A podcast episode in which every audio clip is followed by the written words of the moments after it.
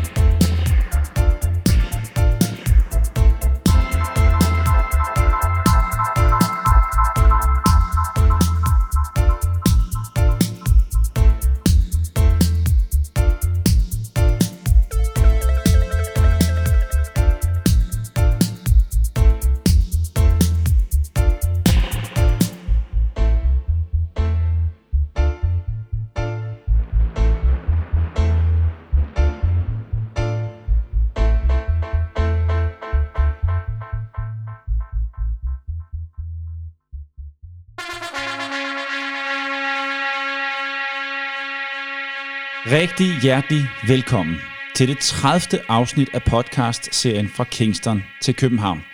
Jeg hedder Jørn Husum, og sammen med min marker Lars Ruffnick Larsen vil vi i, det næste, i den næste times tid tage endnu et skridt hen imod at afdække den danske reggae-historie.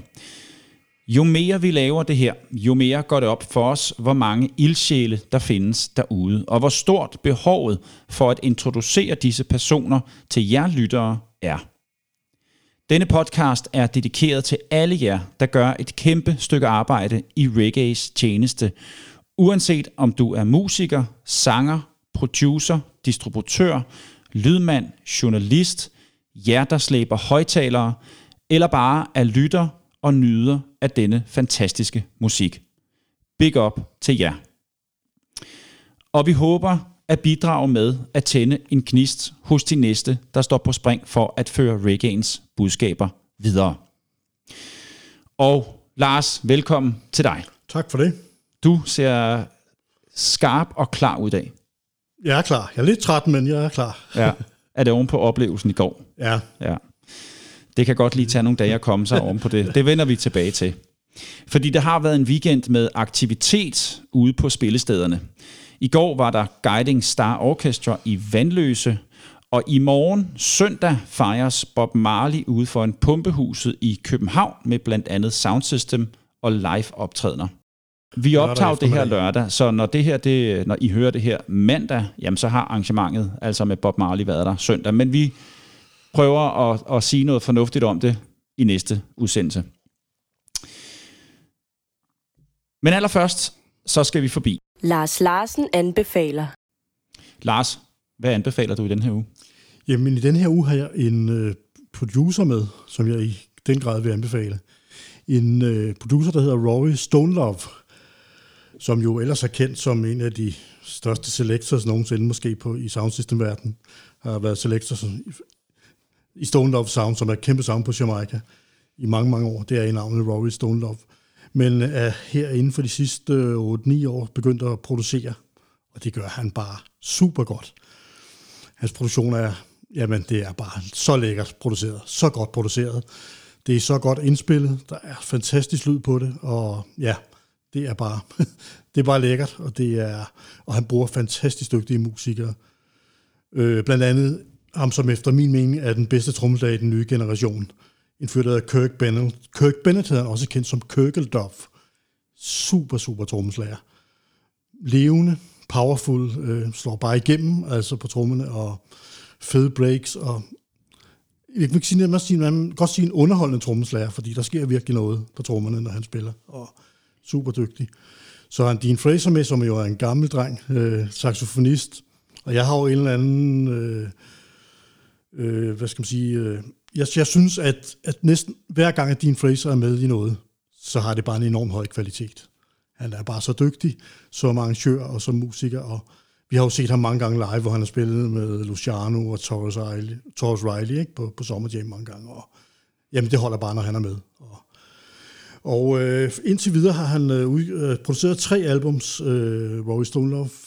Han, ud, han øh, producerede John Ines debutalbum New Name i 2013. Det er første gang, man lægger mærke til ham, hvor, hvor, hvor dygtig en producer han er. Det næste, han laver, er en øh, kvinde, der hedder Christine Alicia. Et, et album, der hedder Songs from Zion, fra, jeg tror det er fra 2017.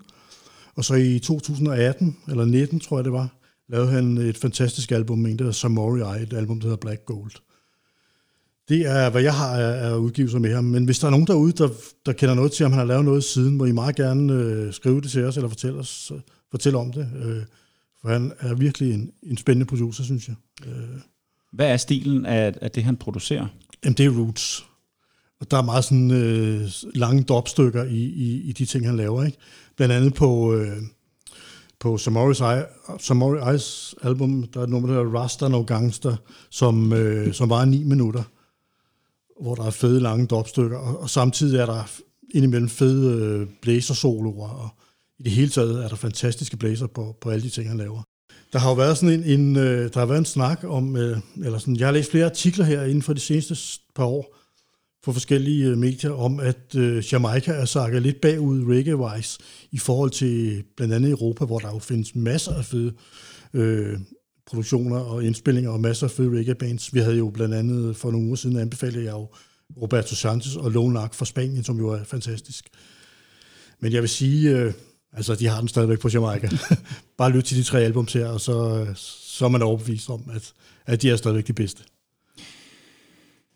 Det var altså øh, det var ugens øh, anbefaling, Lars Rory. Love, også kendt fra, øh, fra soundsystemet øh, Love, af samme navn selvfølgelig. Og så er det simpelthen blevet tid til ugens overflyvning. Hvad er der sket i ugens løb, og hvad kan vi se frem til? Jamen, som vi nævnte i indledning, Lars, så når man hører det her mandag, jamen, så har der altså i går været et Skyjuice arrangement i Pumpehuset udendørs, med lidt akustisk musik og noget DJ for at hylde Bob Marley. Det prøver vi at øh, vende tilbage med i vores næste afsnit, og måske komme med en lille anmeldelse i det og sådan noget, ikke? Ja, og det er jo i anledning af, at her den 11. maj var det jo 40 år siden Bob Marley døde, så det er derfor, man laver det arrangement. Ja, og, øh, og, og hvis vi skal snakke i datid, som om, at det er mandag nu, så har så spillet det Emma Chirono og Wendy Wonder blandt andet øh, noget akustisk sæt. Og, øh, og så var der selvfølgelig øh, DJ Shorty og DC, som er Skyjuice Selector. Som vi jo snart får med i en podcast. Lige præcis.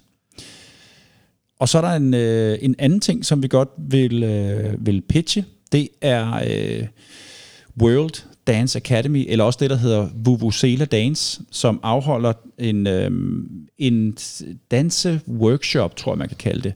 Det er den 28. maj. Vi havde jo dem inde som øh, gæster øh, i tidligere afsnit med øh, Riffical Gage og, øh, Amalie. og Amalie. Og inde på Facebook er vi faldet over øh, det her arrangement, som altså er øh, som sagt, den 28. maj fra kl. 18.30. Og det er det, der hedder Vuvuzela Dance, der, pr- der præsenterer øh, en, en eller en gruppe. Det ved jeg ikke lige, om det er. Jeg tror, det er en dansegruppe, Sidan Exclusive fra Jamaica, som er kendt verden over som leder af Exclusive Dance Crew, og de har været en del af danse, dancehall-scenen på Jamaica i mere end et årti, og har udviklet deres egen stil. De står bag mange populære moves, som for eksempel Ocean Flow, Pump It, All About the Feeling, blandt andet. Så hvis man er til det, så skal man, øh, så skal man i den grad tjekke det ud. Det er også inde på Facebook, øh, 28. fredag den 28. maj. Vuvuzela Dance præsenterer workshop med Sidan Exclusive. Det er på oh. Vesterbro, er det ikke? Eller i- mener jeg, på Enghavevej? Nummer 82, øhm, tror jeg det er. Det kan du Der godt have ret i. noget om det, at det var der. Det kan du godt have ret i. Jo, Enghavevej 82D. Godt, godt spottet, Lars. Yes. Yes.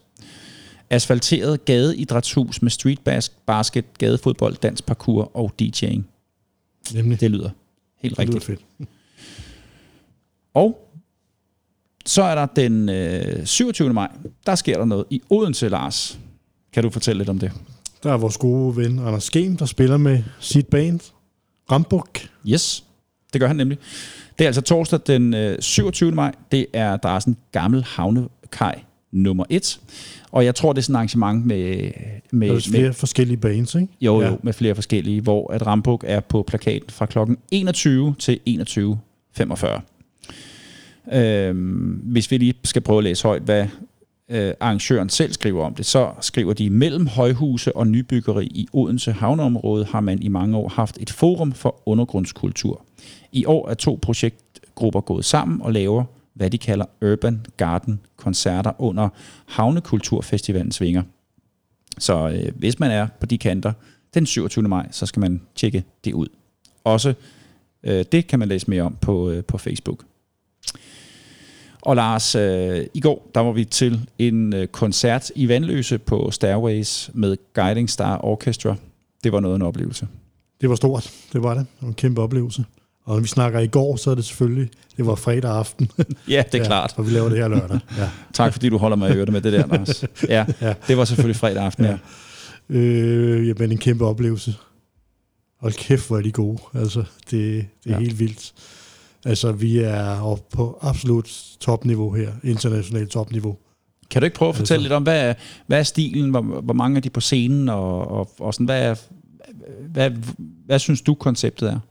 Jamen, det er jo root reggae, og det er instrumental root reggae, og det er bassist, trommeslager, keyboard, guitar og ukulele faktisk, og percussion, og så er det fire blæser, det er trombone, trompet og to saxofoner. Ja. Og de der blæser, altså, wow. altså, Det er, det øh, er, ja, der er ikke noget vokal, der er ikke noget sang. nej, det er instrumental root reggae, ja. Dop, Ja, simpelthen. ja.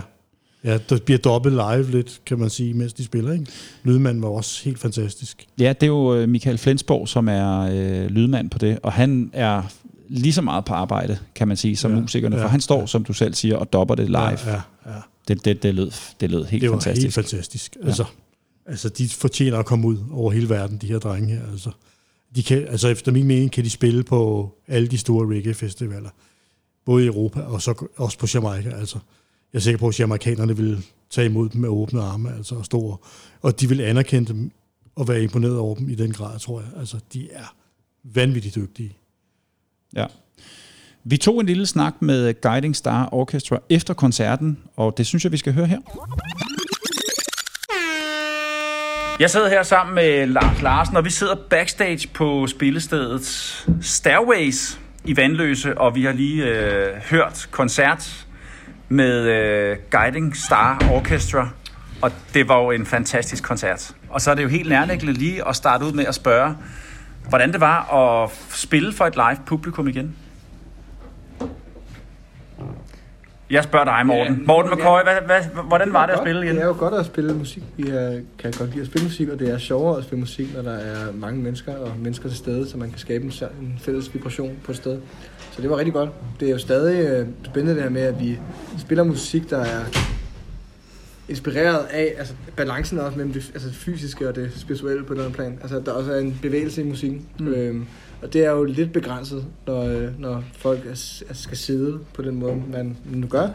Men, øh, men altså, det er jo stadig liv, altså det er stadig live, og vi, vi er rigtig glade for at få lov til at gøre det. Ja, det virkede som om, at, øh, at alle, eller de fleste i publikum, var på og havde en, en fed fest, og øh, rockede med, og mange sad med lukkede øjne og mediterede og nød musikken.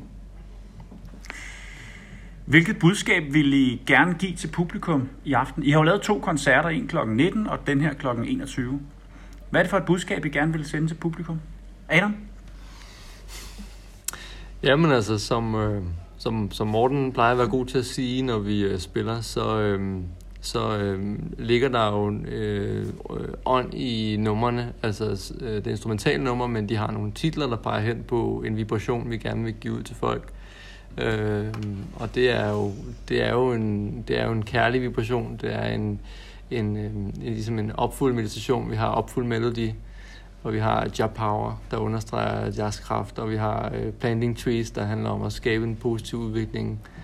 Øh, så så, så det, det er jo den vibration, som vi også prøver at lægge i det. Øh, og så er der, så er der hele den, den kærlighed, der også ligger i bandet som brødre, øh, som vi sender ud og prøver at radiere ud til, til alle lytterne og, og give energi. Ikke? Så det er så det, vi prøver at overføre positiv energi på den måde. Øh, Morten, du sagde undervejs, eller det var til sidst i koncerten, Guiding Star, det er ikke blot et band, men det er en enhed. Ja. Kan du prøve at uddybe det? Det er jo et kollektiv af mennesker, der sammen skaber en masse vibrationer, og det der er på mange, altså målet føler jeg på mange måder, det er jo, at den vibration bliver samlet og fælles, så vi videregiver også den her vibe af, hvor stærkt og godt det er, når man kan være sammen, forenet, og altså, at skabe noget fælles, skabe noget sammen. Og så, øh, vi snakkede også lige tidligere om, øh, hvornår I skal spille live igen. Altså dato for den næste koncert. Ja, Tirsdag eller onsdag? kalenderen. Øh, vi har jo en række koncerter over sommeren her i hvert fald. Har vi det? Ja. Kan du ikke komme med datoerne? 18. juli på taget, 19. juli midsommer, 10. juli Onkel Dennis Plads, 15. 10. juli Atlas i Aarhus. Det glæder vi os rigtig meget til også. Fedt. Øh, så har vi desværre fået aflyst Rudme Festival den 16. juli, måske næste år. 10. Tredje gang, næste gang. august i, på Dexter i Odense. Og... Vi rammer Odense to gange i sommer. Jeg kan godt lide. 20. august, den grænseløse festival, det glæder Det er rigtig en god meget Ja, til. det bliver Det fedt. bliver rigtig godt. Lille insider Ja, knowledge, det at det var der Morten og Malte mødte hinanden. Malte, Ja. ja. trompetisten i banen. Præcis. Vi er ikke helt færdige nu. Vi var Nå, der er flere. Von Hatten i Randers alle Yes. steder. Vi går 22. oktober, 28. oktober, Taberiet i Køge, 6. Kom syge. november på Harders i Svendborg. Sådan. sådan. I kommer godt omkring i landet og, øh, og spreder vibes. Ja. Hvad med nyt album? Er, er der noget af det, eller det i sigte? Vi har uploadet to singler i dag. I dag, faktisk. Ja, ja altså som i, at de udkommer så den 4. juni og den 18. juni. Planting Trees er den første, der udkommer her. 4. Ja. Det er jo fortløbende for et uh, album, men hvornår albumet kommer, det tør jeg ikke sætte uh, tid og sted på. I har, efter min mening, international klasse. Har I fået noget interesse fra udlandet? Ja, vi havde jo et par øh, forspørgsler, men det var sådan lige før corona. Øh, og øh, ja, det blev ikke til noget, men altså, der var en festival, der var et par Vi festivaler noget. Schweiz og sådan noget, men Øh, generelt føler jeg, at der er, der, er, jo sådan, der er jo helt klart nogen, der er sådan, altså både på UK-scenen og Ja, og der er også ham Jazol fra øh, vi har Tribe en 84, polsk som connection gerne vil arrangere nogle gigs for os rundt omkring i Europa. Så det, det håber tænker jeg på, ja. Som alt andet, så hvis det er godt det man laver, så spreder tingene så stille og roligt som Mm. ring i vandet, og så kommer det nok ud. Måske. Må vi se. Men det er planen, helt klart. Ja, det kunne være rigtig fedt. tak for en rigtig, rigtig fed koncert, og tak fordi I lige havde tid til at, øh, at snakke med os her bagefter. Vi glæder os til næste gang. Ja, Det gør vi også. God bless. Der er altså heldigvis rig mulighed for at opleve øh, Guiding Star Orchestra i den kommende sommer rundt omkring i landet. Men altså tjek lige deres øh, Instagram for, øh, for nærmere datoer. Husk at skrive til os, hvis der er et arrangement eller et event, som øh, man ønsker, at vi nævner i programmet. Endnu en gang rigtig hjertelig velkommen og rigtig god fornøjelse med dagens afsnit. I de seneste afsnit har det handlet om dub. Denne genre af reggae holder vi fast i i dette afsnit. Dagens gæster er selv indehaver af deres eget lydsystem, producerer deres egen musik og har deres eget radioshow 27 Hz, som udkommer på SoundCloud og som bestemt er værd at lytte til. Et stort og varmt velkommen til Mala og Chancho fra Dub Mansa Sound System. Tusind tak, man. Mange, mange tak. Det var godt endelig at se jer. ja, i lige måde. Lige måde. Vi har jo sådan skrevet lidt frem og tilbage og hørt øh, hinandens øh, programmer og sådan noget. Så det er godt, I er her, og det er, vi glæder os meget til at høre jeres, jeres øh, syn og vinkel på hele den her, øh, det her dop-tema, kan man vel efterhånden godt kalde det, som vi har i øjeblikket. Og ja. I er jo bare blevet nævnt af mange at, at, af vores gæster, at I skal altså have dop mansa med, fordi altså, de, de, har, de har bestemt noget at sige, og er en, god, en kæmpe figur i det her. Så det glæder vi os rigtig meget at, øh, at høre noget mere om. Men vi starter lige med, at, at, at, at I præsenterer jer selv. Chancho, yes. Vil du starte? Det kan jeg da godt. Jeg hedder Daniel, og nogen kalder mig for Chancho. Øhm, jeg er en fjerdedel af Dub Mansa Sound System. Øhm, jeg synger en gang imellem. Prøver at producere lidt musik også. Det er lidt nyt, men øhm, jeg har samlet på plader rigtig mange år. Øh, jeg ved ikke, hvad jeg ellers skal sige. Jeg er 34 år. Øh, nu bliver det sådan lidt mere... Nå, men så kan du måske begynde, så kan du måske fortælle lidt om, hvor, øh, hvor du hørte reggae første gang, og hvordan du blev interesseret i reggae. Jamen, øh, jeg har lidt tænkt over det der spørgsmål. Det er jo virkelig... Man skal virkelig grave lidt dybt for at finde det der første møde. Jeg kan huske, øh, en af mine venner, som jeg stod på skateboard med, da jeg var meget ung, han spillede sådan Beanie Man og Mr. Vegas nummer for mig, som jeg hørte rigtig mange år efter, men jeg tror ikke, jeg vidste, hvad det var. Jeg, jeg hørte noget hiphop og sådan noget dengang, men det var sådan lidt mærkeligt, men det lød virkelig fedt. Og det var først lang tid efter, at jeg forbandt det til, når jeg, det er jo nok dancehall i virkeligheden. Efter jeg lærte mere reggae at kende, ikke? Men altså, jeg tror, at øh, interessen den kom på sådan en meget klassisk måde med øh, Bob Marley på en eller anden øh, lejerskoletur i 8. klasse. Min ven havde en CD med, øh, og så var det sådan, okay, hvor- hvorfor har jeg aldrig hørt det her før? Altså, man har jo hørt navnet, men der tror jeg sådan ligesom femøren faldt. Mm. Øh, og så sidenhen, så har jeg så interesseret mig rigtig meget for, for roots, men også sideløbende rigtig meget dancehall faktisk. Øh, rigtig meget 90'er og 80'er dancehall. Øh, og så er jeg så si- sidenhen sådan nærmest gået 100% over i roots og det her steppers musik, ikke? Mm. Men nu er vi lidt mere oppe i, i nutiden. Øh, Så, så du har ligesom været hele cirklen igennem, kan man sige, på en måde, ja. Inden, Jeg- for, inden for genren. Ja, jeg har, jeg har ikke gjort mig super meget i, øh, i ting, der var sådan før roots, og tidligere end 70'erne, der er jeg sådan, der har jeg ikke gravet specielt dybt. Jeg har ikke gravet super dybt i Rocksteady eller Scar eller noget af det der. Øhm, bestemt ikke, fordi jeg ikke kan lide det, men jeg ved ikke, nogle gange så, så falder græn, ens grænse jo også sådan lidt naturligt, og sådan at det, hvis der er en fed tune, så lytter jeg til den, men jeg graver ikke så meget selv. Mm. Der holder jeg mig mere til roots. Og Marla, Ja, hvad er din historie? øhm, jeg hedder Malamin, øh, og jeg ved ikke, det, det lød alt for godt det der, Chancho, så jeg kan, altså, jeg, jeg kan ikke, No pressure. No det er svært, pressure. at, det er svært at gøre kunsten efter, men øhm, jeg er 31 år og har vel samlet på plader siden siden 9. klasse. Så har det så været, hvor det har været alle mulige øh, ting. Altså der var en, øh, en periode, hvor jeg tænkte, jamen jeg starter bare et sted fra, starter fra 70'erne, køber kun plader fra 70'erne, og så må jeg arbejde mig op. Det fandt jeg hurtigt ud af, at det, det holdt ikke rigtigt. Der ville man gå glip af for mange ting.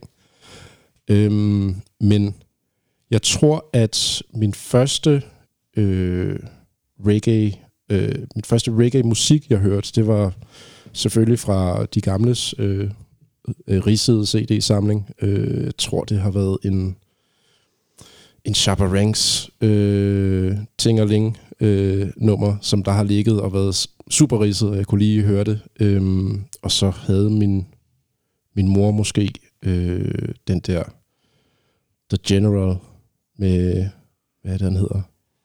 Ham fra England, kan jeg faktisk ikke huske. Sådan en UK øh, jungle-agtig nummer. Men det var, okay, der, det var General Levi eller sådan en? Ja, lige præcis. Ja, General ja, Levy, ja. ja, ja. Øhm, men det var sådan de helt første, altså det var sådan noget, jeg har altid øh, gået meget ud fra sådan, okay, hvad er fedt for mig at danse til? I hvert fald da jeg var lille, så det var sådan, det handlede bare om at bevæge sig og sådan noget, ikke? Øhm, så der synes jeg bare, det var super fedt. Øh, og det, altså nu snakker vi, da jeg var meget, meget, meget lille. Øh, men senere hen, så er jeg så begyndt at øh, interessere mig super meget for hiphop og, og jazz og, og så videre. Og så tror jeg, at altså, så, så kunne man ikke rigtig undgå os at komme ind over nogle, nogle reggae-ting, og så begyndte det lige pludselig også at være lidt interessant. Øh, og så da jeg mødte øh, Chancho for 17 år siden er det, eller hvad? 15 år siden, tror jeg det er nu. Ja, 15, 15 år siden måske. Ja, øhm, der øh, var han en, der ligesom bare 100% øh, samlede reggae øh, allerede dengang.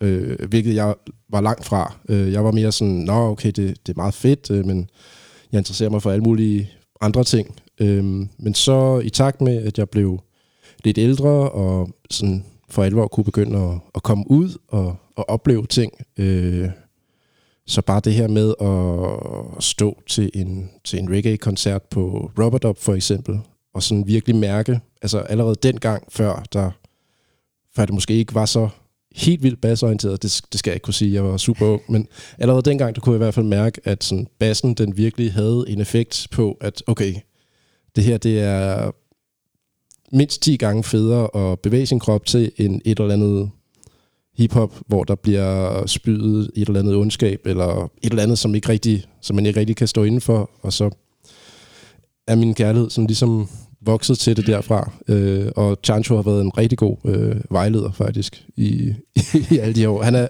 han er altid den, der er mere øh, på beatet, end jeg er. Jeg følger sådan lidt efter og prøver på at samle lidt op på de ting, jeg godt kan lide. Øh, men den store reggae øh, digger, det er jeg på vej hen imod at blive. Okay. Øh, før der har det mere været sådan noget ja, jazz og hiphop og jazz, der er blevet samlet af hiphop og så videre og så videre. Ikke? Øhm, men efterhånden med de koncerter, jeg har været til, som Chancho har været rigtig god til at tage mig med til, så har det været sådan noget, okay, det, det bliver jeg nødt til ligesom at, at interessere mig mere for, fordi det er for fedt. Så jeg er sådan på vej hen mod den der 100. Altså, ja. det er jeg jo. Jeg er jo... Jeg, jeg kan ikke lade være med at sige, at altså, jeg, jeg sidder jo og er med i et soundsystem, altså så er man... Altså, det, Du er kom, 100% reggae, man. det kommer vi også ind på, så man, man bliver virkelig nødt til at være dedikeret til det. Men jeg nyder stadig andre ting også. Men det er 100% øh, reggae, hvor jeg bare kan se, okay, det her det er noget, jeg kan blive ved med at lytte til øh, i mange år fremad. Fordi at det hele, det klikker på den helt rigtige måde. Jeg plejer at sige, at rigtig meget musik, det kan nå ind i brystet på mig, men kun reggae kan nå hjertet. Bum. Bam, bam. Så ja. Det kan ikke siges bedre. Nej, den var god. Det er det, altså. Øh, når du er ude og digge efter plader, er det øh, vinyl, du går efter? Eller også Det- CD'er? Jeg har ikke øh, kunne finde ud af det med, med CD'er så meget. Nej, Øhm, så det er vinyl. Altså, de, er der er jo nogle af de der vinylplader, der er jo efterhånden er 80 år gamle og, og lyder federe end Ja, ja, ja, 80 år gamle ja, CD'er, ja, ikke? Tænker ja, jeg. ja, altså, det, det, er sådan, Ja. det er virkelig, jeg, altså, jeg prøvede også, jeg er ikke så meget for at, at sådan samle alt for meget. Jeg kan godt lide at komme af med noget også, så der er plads til noget nyt. Ja. Ja. Men bare det der med at ligesom komme af med noget, der måske ikke interesserer sig, som jeg ikke interesserer mig så meget for mere, der gik det op for mig sådan, okay, det her, jeg købte den gang, det er stedet i værdi. Så altså, det føles lidt som om, at jeg måske havde købt smykker eller sådan noget, Ja, ja, i, ja, altså for ja, lang ja. tid siden, og fint nok, det er ægte guld. Altså, det, Det sorte guld, er det ikke det, man kalder det? det er det, for, Ja. ja. altså, det er det fuldkommen. Jamen, der er jo nogle vilde eksempler derude ikke, på, på nogle plader, der bare bliver altså, vanvittigt mange penge værd. Ja. Ja. Ja. Vi øh, snakkede om for nogle uger siden i et af afsnitten, at øh, der er en øh, øh, reggae-distributør eller reggae-forhandler i Schweiz, der hedder Reggae Fever, Mm. som, som, hvor man kan købe plader og CD'er online. De holder også nogle auktioner Hold da over øh, sjældne ting. Og forrige auktion, de havde her for nogle uger siden, der havde de en, en uh, syvtommer single, som de solgte for 3.000 euro. Og Det vil der- sige, det er omkring 2-23.000 kroner, ikke? For, for, det var en fra 1968, et et Rocksteady-nummer. Det var super fedt nummer, men det er jo helt vildt, ikke? Det er også derfor, jeg, det- det, jeg er lidt langsom på vej ind i Ja, det. Hold da jeg kan op, bruge en formue, det er jo det. Men det, det er, er et nummer nogensinde så fedt, at det er Ja. 3.000 euro Men jeg værd. tænker, det er sådan et specielt samleobjekt, ikke? Jeg tror, det er sådan nogen, der bare skal have den Ja. der, øh, noget med den der stamper, nummeret på ja. ja. stamperen og sådan noget, og et eller andet, det er rigtige pres og sådan noget. Jeg tror ikke engang, man, det er for at spille det nødvendigvis. Nej, det er simpelthen en total samler, ikke? Der, Ja. ja. der bare skal have lige den udgave der, tænker jeg. Der giver så mange penge for det, tænker jeg. Ja, det tror jeg, du har ret i. Jeg kunne godt tænke mig at høre, øh, hvad øh, er Dob Mansas historie? Hvornår starter det, og hvordan udvikler det sig til det, det er i dag? Jamen, øh, Det- vi, vi skal jo lige starte med at sige, at vi er jo fire medlemmer, og vi er kun to i dag, mig og Malamin. Øh, og Vi er lidt den ene halvdel af, af Dop Manser i den forstand, at vi har, altså, vi har hægtet os på, faktisk. Ja, På en du- måde? På en, ja, det, det, det jeg er lidt uenig i, faktisk. Men øh, vi, altså, vi, det blev dannet sammen. Men, men selve højtalersystemet, og, og 100% dem, som altså, er de virkelig tekniske nørder, øh, højtalerbyggerne, dem, som har styr på soundet, det er faktisk de to, der ikke er her, desværre. Øhm, så det er Toby og Dave, som har bygget og samlet vores, øh, vores sound, og så er det dem, som ved super meget om teknik og elektronik og delefilter og frekvenser og øh, hertz og alle mulige ting. Er der så nogen af jer, som er, der er nogen, der har selector-chancen, og andre, der har sådan mere at sætte højtalerne op og sørge for, at lyden er rigtig og sådan noget? Der er jo mange hatte, man skal, man skal køre, så vi har øh, lidt nogle forskellige. Altså vi, nu er Chancho faktisk også kommet med på producerholdet efterhånden, hvilket er super fedt. Øh, men den der med at sidde og, og producere musik, det er i hvert fald en hat, vi alle sammen har til fælles. Det, det synes vi alle sammen er sjovt. Øhm, og når det kommer til at sætte soundet op, der er vi så heldige, mig og Chancho, at øh, det er faktisk os, der har stået for, for det meste, og vi er blevet kørt ind i, hvordan man gør det. Og, altså, det, det er mega vildt at gå fra et par paller, og så til at se det stå op. Mm. Øhm, og så er øh, jeg den blevet den, dis, altså den designerede mic man af en eller anden grund, selvom Chancho han også øh, er rigtig god på mikrofonen. Øhm, men heldigvis er det også noget, altså det, det, det er heldigvis noget, der er lidt flydende. Øh, altså som jeg har fået at vide, så er det meget godt i et soundsystem at have sådan, okay, alle har deres specifikke roller, og så gør man sådan og sådan og sådan, og så er der styr på det og det hele, men den måde, vi gør det på, der er det, der er det blevet meget flydende, og på den måde så er vi også, øh, altså vi lærer også hinanden sindssygt meget, sådan så vi på et tidspunkt kan tage de, ting, de andre ting over, og altså der er også øh, nogen, der for eksempel ikke har sunget noget før, som lige pludselig har indspillet et nummer, og så videre, men til at starte med, som det var, så var det mig og Chancho, der var sådan lidt, okay, vi kommer ind, og øh, så giver Chancho... Vi var jo det, man kalder lidt uh, boxboys i starten, ikke? Ja. At, uh, fordi at når det var Toby og Dave, der havde styr på opsætning, uh, kabling, uh, frekvensniveau, uh, så hele- skal der jo nogen til at lave lidt slæbearbejdet, imens de sidder og laver det, som ingen andre kan. Og det er jo meget naturligt, så alle kan jo slæbe, ikke? Uh, så man starter lidt dernede. Uh, men tilbage til dit spørgsmål, det, nu synes jeg, vi kom helt hen til noget andet, hvordan det startede. men, øh, men det startede med, at... Øh, fordi jeg synes også, at Toby og Daves historie skal lidt ind, så jeg har lige øh, sørget for, at jeg også kan deres historie lidt. Øhm, Dave, han, øh, han møder Toby på, øh, hvad hedder det, øh, Folkekøkkenet ude på Christiania øh, i sin tid, hvor de så snakker lidt, og så efterfølgende, så møder de så hinanden igen tilfældigt ude på Bolsjefabrikken, hvor øh, Toby han er med i Lydgruppen derude hedder det, som er sådan noget, øh, sådan et mad genius, der hedder Lange Louis. Øh, han, han styrede derude. Øh, Ja, Lyd Louis, Lange Louis. lange, lange Lyd Louis. Ja. øhm, og der var, øh, der var sådan nogle sådan nogle slags workshop med at lære højtalerteknik og bygge og forstå det hele. Og det var Tobi så en del af ude på Bolsjefabrikken. Og så blev Dave så hævet ind til at hjælpe lidt til. Øhm, så lærte de hinanden at kende. Øh, og har så lavet rigtig, rigtig, rigtig, rigtig meget lyd frivilligt ude på Bolsjefabrikken til alle arrangementer. Både reggae og alt muligt andet skørt. Øh, men også bare for at lære det. Øhm, og de har så kørt den der chance øh, nærmest de to sådan uafbrudt i en 3-4 års tid. Hvorefter de så... Øh, Og på det her tidspunkt, der var det måske os to, der sådan sad lidt ovenpå egentlig, og ikke rigtig vidste, Ja, hvad det var, der skete nedenunder. Altså, vi har, vi har jo kendt Toby i ret mange år, men ja. ikke, ikke helt på... Det var mere sådan venne, lidt fest-regi. Øh, regi. og, og sideløbende med, at Toby og Dave, de, de interesserer sig helt vildt meget for det her lyd- og højtalerbyggeri, så øh, har mig og Marla gang i øh, sådan lidt med at prøve at synge og lave nogle dancehall tunes og ja. være lidt... Øh, altså, vi var jo nok lidt en smule en del af det, som rigtig mange kalder for bølgen, som jeg også har hørt det blive omtalt her i jeres program. Ja.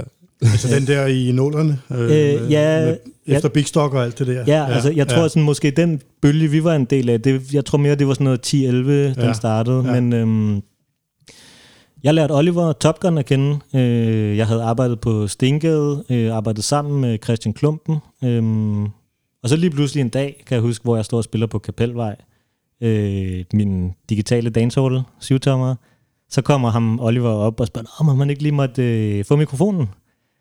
Og jeg havde jo set alle de der fantastiske videoer fra 80'erne med en hel række af DJ's og singj's, der var står og river mikrofonen ud af hånden på hinanden. Øh, men jeg har aldrig oplevet det i Danmark. Og så vendte jeg min syvtommer, og så fyrede Oliver den af på den version, der var på den anden side. Jeg var meget, meget imponeret. Øh, lærte ham at kende, øh, blev inviteret op i hans studie på Bolsjefabrikken, sjovt nok. Øh, hvor jeg så møder ham Christian, som den, hov, det, vi har sgu da arbejdet sammen på Stengade. Ja. Som så også var begyndt at, at lave musik, og så, ja, så rullede bolden vel, kan man sige, og vi forsøgte os også lidt med sådan noget. Altså, øh. vi, vi startede vel med at, at hænge ud mest, altså at være sådan nogle nærmest øh, studiomands, eller hvad man kalder det for, altså hvor man sidder på, decideret sidder på sofaen bag ved genierne og bare prøver på at suge til sig, ikke? og lige prøve på at, at hygge lidt om dem, bare så de ja, ikke, øh, ikke sidder der helt alene til langt ud på aftenen, og så man bare sådan lige pludselig så vender Christian sig om og spørger, hey, skal I ikke til at prøve at lave et eller andet? Øh, altså Christian Klumpen. Øhm, og så, jeg tror, vi, jeg skrev måske en sang med ham, øh, som var, jeg tror den første, jeg skrev, det var Du en lort. Øh, en sang, der udkom på syvtommer på kontrafon. Og så fik jeg, så fik vi også, så kom, så kom du også hen, Chancho, og så skrev vi også to sange, synes jeg, jeg kan huske, samme aften, nogle dage efter, hvor en af dem så blev endt med at være øh, cykeltur, øh, og den anden var en sang, der hed øh, Dengang. Øh, og det her, det, det skete imens, at det, at det har vi så fundet ud af, det har åbenbart sket imens, at, at Toby og, og Dave har rendt rundt nedenunder og, og nørdet lyd. Øh, og det er også sådan lige med, hvordan Bolsjefabrikken lige øh, fungerer og sådan noget der, men der har åbenbart været en, jeg vil ikke kalde det for en separation, jeg har i hvert fald ikke, altså det vil jeg ikke sige, men jeg har bare ikke været bevidst om, hvad der ellers er sket i huset på det tidspunkt. Og det tror jeg, det tror jeg heller ikke, øh, hverken det, du var, det skal jeg ikke kunne sige, men det er mere sådan, altså vi kom derop for bare at hænge ud i deres studie og ligesom sorterer os og hygger os og sådan noget der, og så imens så var Toby og Dave nedenunder og virkelig suget endnu mere til sig. Men det kan også være, at vi lige skal forklare, hvordan sådan lidt sådan rent praktisk omkring Bolsjefabrikken. Det er sådan et øh, ret stort, aflangt øh, hus, som har to etager. En stueetage og en første etage. Og første etagen, hvor vi har studie, øh, det bliver kaldet topfloor. Øh, og der er en masse studier, øh, musikstudier og folk, der dyrker yoga, nogle feministiske kollektiver, nogle serigrafi-tryk, alle mulige spændende Mørkekammer. ting. skal komme efter. Øhm, og så nede i stueplanen, det er så Bolsjefabrikken, hvor at man kan øh, tage til fester og drikke nogle øl og høre noget musik på et sound. Og, så det er sådan øh, på en måde lidt opdelt, øh, men det, det hele er Bolsjefabrikken. Men når Malla han siger, at vi var ovenpå i studierne, mens Toby og Dave gik nedunder, så var det fordi, at øh, det her lydbyg, det foregik i den store sal i, i Bolsjefabrikken, ikke? hvor man også kunne teste højtalerne, og, og der var masser af plads, og ja, det er bare lige for at opklare, måske for dem, der ikke helt... Altså, man, man skulle ikke øh, igennem øh, stueetagen for at komme op ovenpå. Det var to separate udgange, så af en eller anden grund, så har vi gået forbi hinanden i, i, nogle år alligevel. Selvom vi udmærket kendte øh, Toby, begge to faktisk. Øh, og jeg ved ikke, altså, om du har mere til, til deres byg dernede. Altså jo, det er jo, historien øh, fortsætter jo, den det, er ikke. det er det. Hvad hedder det? Øhm, jamen, øh, det, det som jeg øh, så har forstået det, som jeg har forstået det, det er, at øh, de går der og leger med rigtig mange af Louis højtalere under det her lydbyg, og afprøver og tester, og tager også ud og laver jobs for ham øh, som lydmænd, og simpelthen bare opbygger erfaring, øh, Toby og Dave. Og så skal der så på et tidspunkt... Øh, ja, så har de så snakket om, om øh, de ikke bare egentlig skal gøre det selv, altså bygge deres eget soundsystem. De er virkelig dygtige med træ, begge to, øh, gode håndværkere, og har sindssyg øh, nørde gen. Altså, de, de, virkelig, de sætter sig virkelig ind i tingene. Ja. Øh, og det gjorde de så. I en, ja, det er 13-14 måske, eller sådan noget. Har de bygget 13, måske, hvad jeg tænke. Ja, yeah, måske. Ja. Har de så bygget og, og samlet, og ja, så er de så, øh, vores soundsystem nu består af fire bunde, nej, undskyld, seks bunde, der er jo lige kommet to til. Øh, ja. Seks bunde, øh, subs, og så to kicks, mellemtone, og så seks øh, toppe. De seks bunde, de er blevet bygget selv, 100% af Toby og Dave. Kicksene er købt af Bolsjefabrikken eller Louis også, mener jeg. Det er nogle Martin Audio. Ja, Så- nogle Martin Audio kicks. Dobbelt, Øhm, febbel, tom, dobbelt 15 tommer. Vi kan snuble over det der. Øhm, som så øh, ja, som så er købt og restaureret, og så, øh, så fandt de så et eller andet tilbud på eBay et sted fra USA, havde de så fundet sådan nogle, øh, jeg mener det var 14 Turbosound toppe, som øh, de skulle have 1000 dollars for dem, der solgte det. Og det var jo fuldstændig uhørt og for godt til at være sandt. Så, så dem købte de sgu fra USA og, og skulle have sendt øh, sådan 14 ret store toppe til Danmark. Og fik dem en måned efter. Øh, men de var virkelig, virkelig i dårlig stand og rådne og alle mulige ødelagte ting og fugleredder indeni. Så og, der var en grund til, at de var, de var billige. Det var der, bestemt. Men, øhm, men de, de samler så det, der kan bruges, restaurere, som så bliver til de seks toppe, vi har nu. Øhm, og så begynder de så simpelthen at lave lyd og lege det der anlæg ud. Dengang, der kaldte de sig lyd og godt. Lyd og godt. Men når man siger det hurtigt, så lyd og Ja, godt. ja. Ja. det tog mig lang tid at finde ud af, den der, det der ordspil. Ja. Men øhm, så har de så været rundt alle mulige forskellige steder, Toby og Dave, og lave lyd på alle mulige andre ting, som jeg tror, at i længden de blev virkelig trætte af, og det, det er vist ikke så taknemmeligt job at være lydmand i det lange løb for andre. Skulle jeg... Ja, det, det får vi i hvert fald Mene. nogle, nogle fortællinger om en gang Ja. imellem. Øhm, så de bliver simpelthen trætte af det, og tænker, det gider vi sgu ikke, det er simpelthen for utaknemmeligt, og vi får alligevel ikke rigtig nogen penge, fordi at folk tror, at vi kommer fra Bolsjefabrikken, fordi at Bolsjefabrikken er altid frivilligt, og så det ender altid med at være sådan lidt utaknemmeligt. Og så træffer de så den beslutning, at hvorfor fanden spiller vi ikke bare selv på det, og tager ud med det selv og spiller det musik, vi gerne selv vil høre. Og så de, i den periode der, hvor de, der leger de det ud, og så er de ude og, lave lyd, altså for dem, der så bruger det, eller er sådan der? Ja, præcis, ja. ja. Men, ja. men altså, de leger det ud, øh, og, og er selv ude og agerer lydmand, ikke? Ja. så det er ikke sådan, at Ja. det bliver lejet ud, og, og så er der nogle andre, der skal håndtere det. Så de Nej. tager med ud og Ja. håndterer det, ikke? Ja. Øhm, Ja, der var det blandt andet ude på, det var ude på Distortion Ø, for eksempel, på et tidspunkt, hvor uh, Elijah Wood har DJ'et på det. Altså, det er meget Ja, sjovt at tænke på egentlig. Ja, altså Frodo der fra Ringens Herre. øhm, Men øh, så tror jeg, at det er der omkring, hvor at, altså, da de ligesom havde øh, sagt, at okay, det vil vi hellere gøre. Øh, hvad, skal vi, hvad skal der ske med det? Øh, på det tidspunkt, der havde jeg et, øh, et run-in, øh, et run-in ovenpå øh, med Toby, øh, fordi jeg lige havde var kommet ind i Top Guns gamle studie. Han var rykket ud øh, af Bøjsen, øh, nok fordi han havde fået, ja, hvad, hvad kan man kalde det for, kommersiel succes, og tænkte, at øh, nu er det fint nok at, at rykke andre steder hen og sådan noget der. Øhm, så jeg var, jeg sad inde i hans gamle studie sammen med øh, Sofa T, en, en hiphop producer. Og så øh, stødte jeg på ham ude på gangen, helt tilfældigt, ovenpå. Altså det er ikke fordi, det er et super stort hus, så det var sådan helt sådan, hvad, hvad, hvad sker der? Hvad så? Øh, hvad laver du her? Og han spurgte mig om det samme, og så falder man i snak, og øhm, ja, så begynder man jo bare at hænge ud, fordi vi er gamle, øh, altså jo, festvenner, men også sådan lidt mere sådan, har nogle, nogle gode fællesvenner. Øh, altså han er vokset op med nogle, med nogle, øh, nogle af vores gode venner øh, ude i øh, Vandløse, skulle jeg gerne mene. Øh, Toby der. Øh, og så kommer jeg ind i, i deres studie.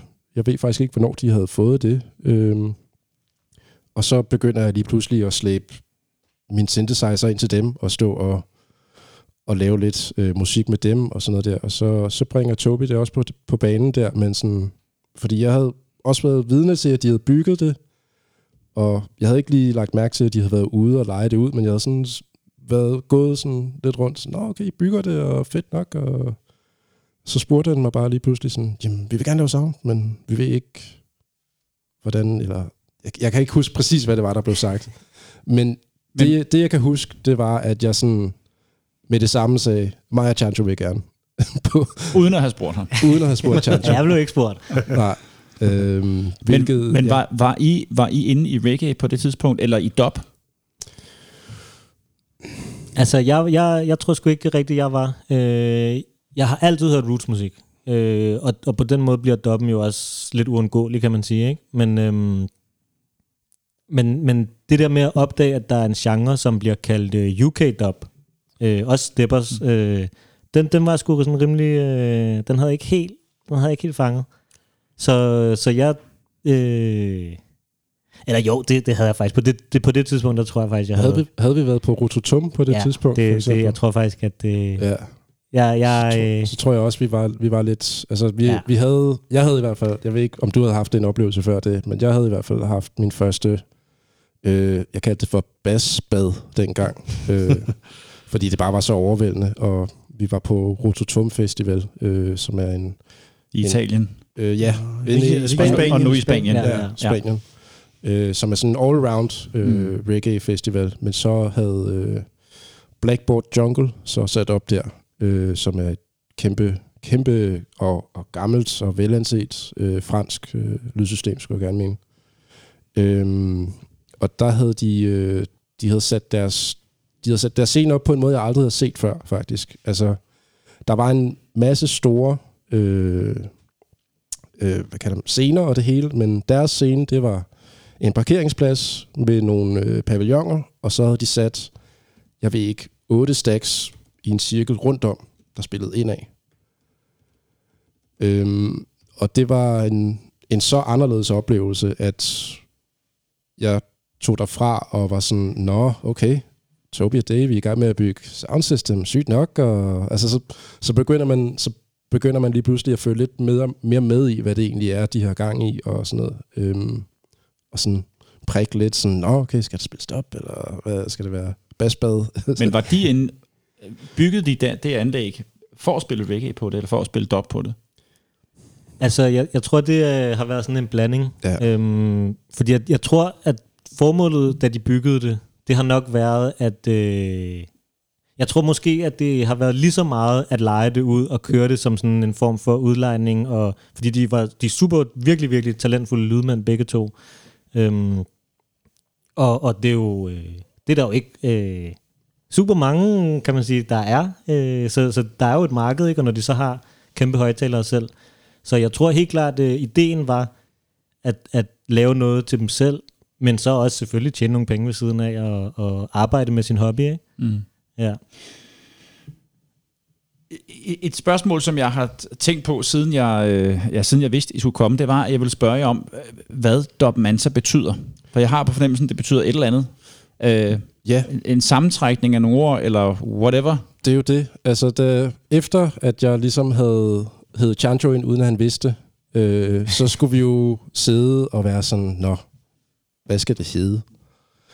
Øh, hvad kan vi holde ud og høre på? Og, og så videre, og så videre. Så vi havde øh, en hel, faktisk ret mange møder om det, for ligesom at finde ud af, hvad det skulle hedde.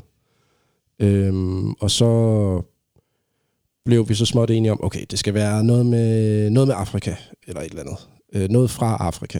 Et eller andet. Øh, og så følte jeg lidt, at der kom nogle øjne hen på mig. Øh, øh, fordi at jeg har den, jeg vil kalde det for, lad os sige, den mest direkte øh, tråd til Afrika blandt os fire. Altså alle, jeg, jeg mener, at alle mennesker oprindeligt kommer fra Afrika. Øhm, men øh, det er lige øh, min far, der er direkte fra, fra Vestafrika af. Øh, så jeg var bare sådan, okay, altså jeg kan, det er ikke fordi, jeg kan sproget dernede, men jeg sagde bare lige nogle af de første øh, fede ord, som jeg kunne huske. Og så var et af dem Mansa. Hvad, Øh, hvad betyder det? det betyder konge. Ah. Men det, så vidt jeg forstod, så var det, det, det, det er en historisk figur, ikke, der hedder Mansa Musa. Lige præcis. Ja. Øh, fra Vestafrika. Og det var ham, der øh, havde øh, Mali. Det var ham, der regerede over Mali-imperiet i Vestafrika, øh, som strak sig fra, altså fra Senegal til øh, Mali og ned til øh, altså Guinea-Bissau og Elfenbenskysten, hvis det også. Jeg er, ikke, jeg er ikke helt sikker på, hvordan grænserne var, men det var sådan meget sofistikeret øh, imperie dernede, hvor de endda også havde, altså sidst jeg tjekkede op, så havde de også nogle copyright-lovgivninger op at køre, altså fra før slavehandlen kom til. Øhm, og jeg sidst jeg var nede i, øh, i Gambia, der hvor min far han er fra, der, der fik jeg så øh, historien, og der er selvfølgelig også øh, andre gambianere her i, i Danmark, jeg kender, der har prøvet på at give mig historien om, om Mansa Musa. Øh, som, og Musa, det er jo så, det betyder, det er det, hvad skal man kalde det for, det arabiske navn for Moses. Øh, så det er kong Moses, han har kaldt sig selv for. Øhm, og det var mere, altså historien om Mansa Musa, det er en historie om, om overflod. Og man, når man har det, så, så giver man ud af det, så, så tænker man ikke over det. Og det, det jeg kan ikke huske, om jeg for, forklarede den historie for jer på det tidspunkt, men det var i hvert fald det, jeg havde. Den var, den var op at vende, tror jeg. Det var den. Men det, og det, det lå godt i munden. Mansa, det, det, jeg tror, vi alle sammen var enige om, at det, Ja, lige det præcis. kunne et eller andet. Så var der nogle forskellige variationer af det op at vende. Jeg tror, det som var det første, som vi snakkede om, at det skulle det være, det var Ayanai Mansa, tror jeg. Mm. Og jeg var sådan lidt... Øh, Svært at synge, eller måske. jeg ved ikke, jeg, jeg, jeg, jeg følte sgu ikke helt den der Ayanai, må jeg indrømme. Ja. Altså, jeg, nu skal jeg ikke tage al æren, men jeg husker det som om, at jeg, Jeg foreslog det. det sådan, Det hvad, med, hvad med Dobman så? Det var dig, der kom på Dop, Dop Mansa der. Okay. Øhm, ja. Og det, det lød bare godt. Og så tænkte vi, fedt.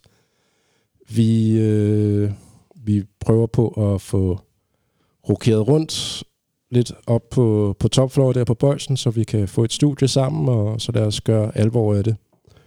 Øhm, på det tidspunkt, der var der et, øh, et stort studie på Bøjsefabrikken, som ikke blev brugt så meget. Øh, de havde startet med at være fem inde i det studie, og så var de lige pludselig to.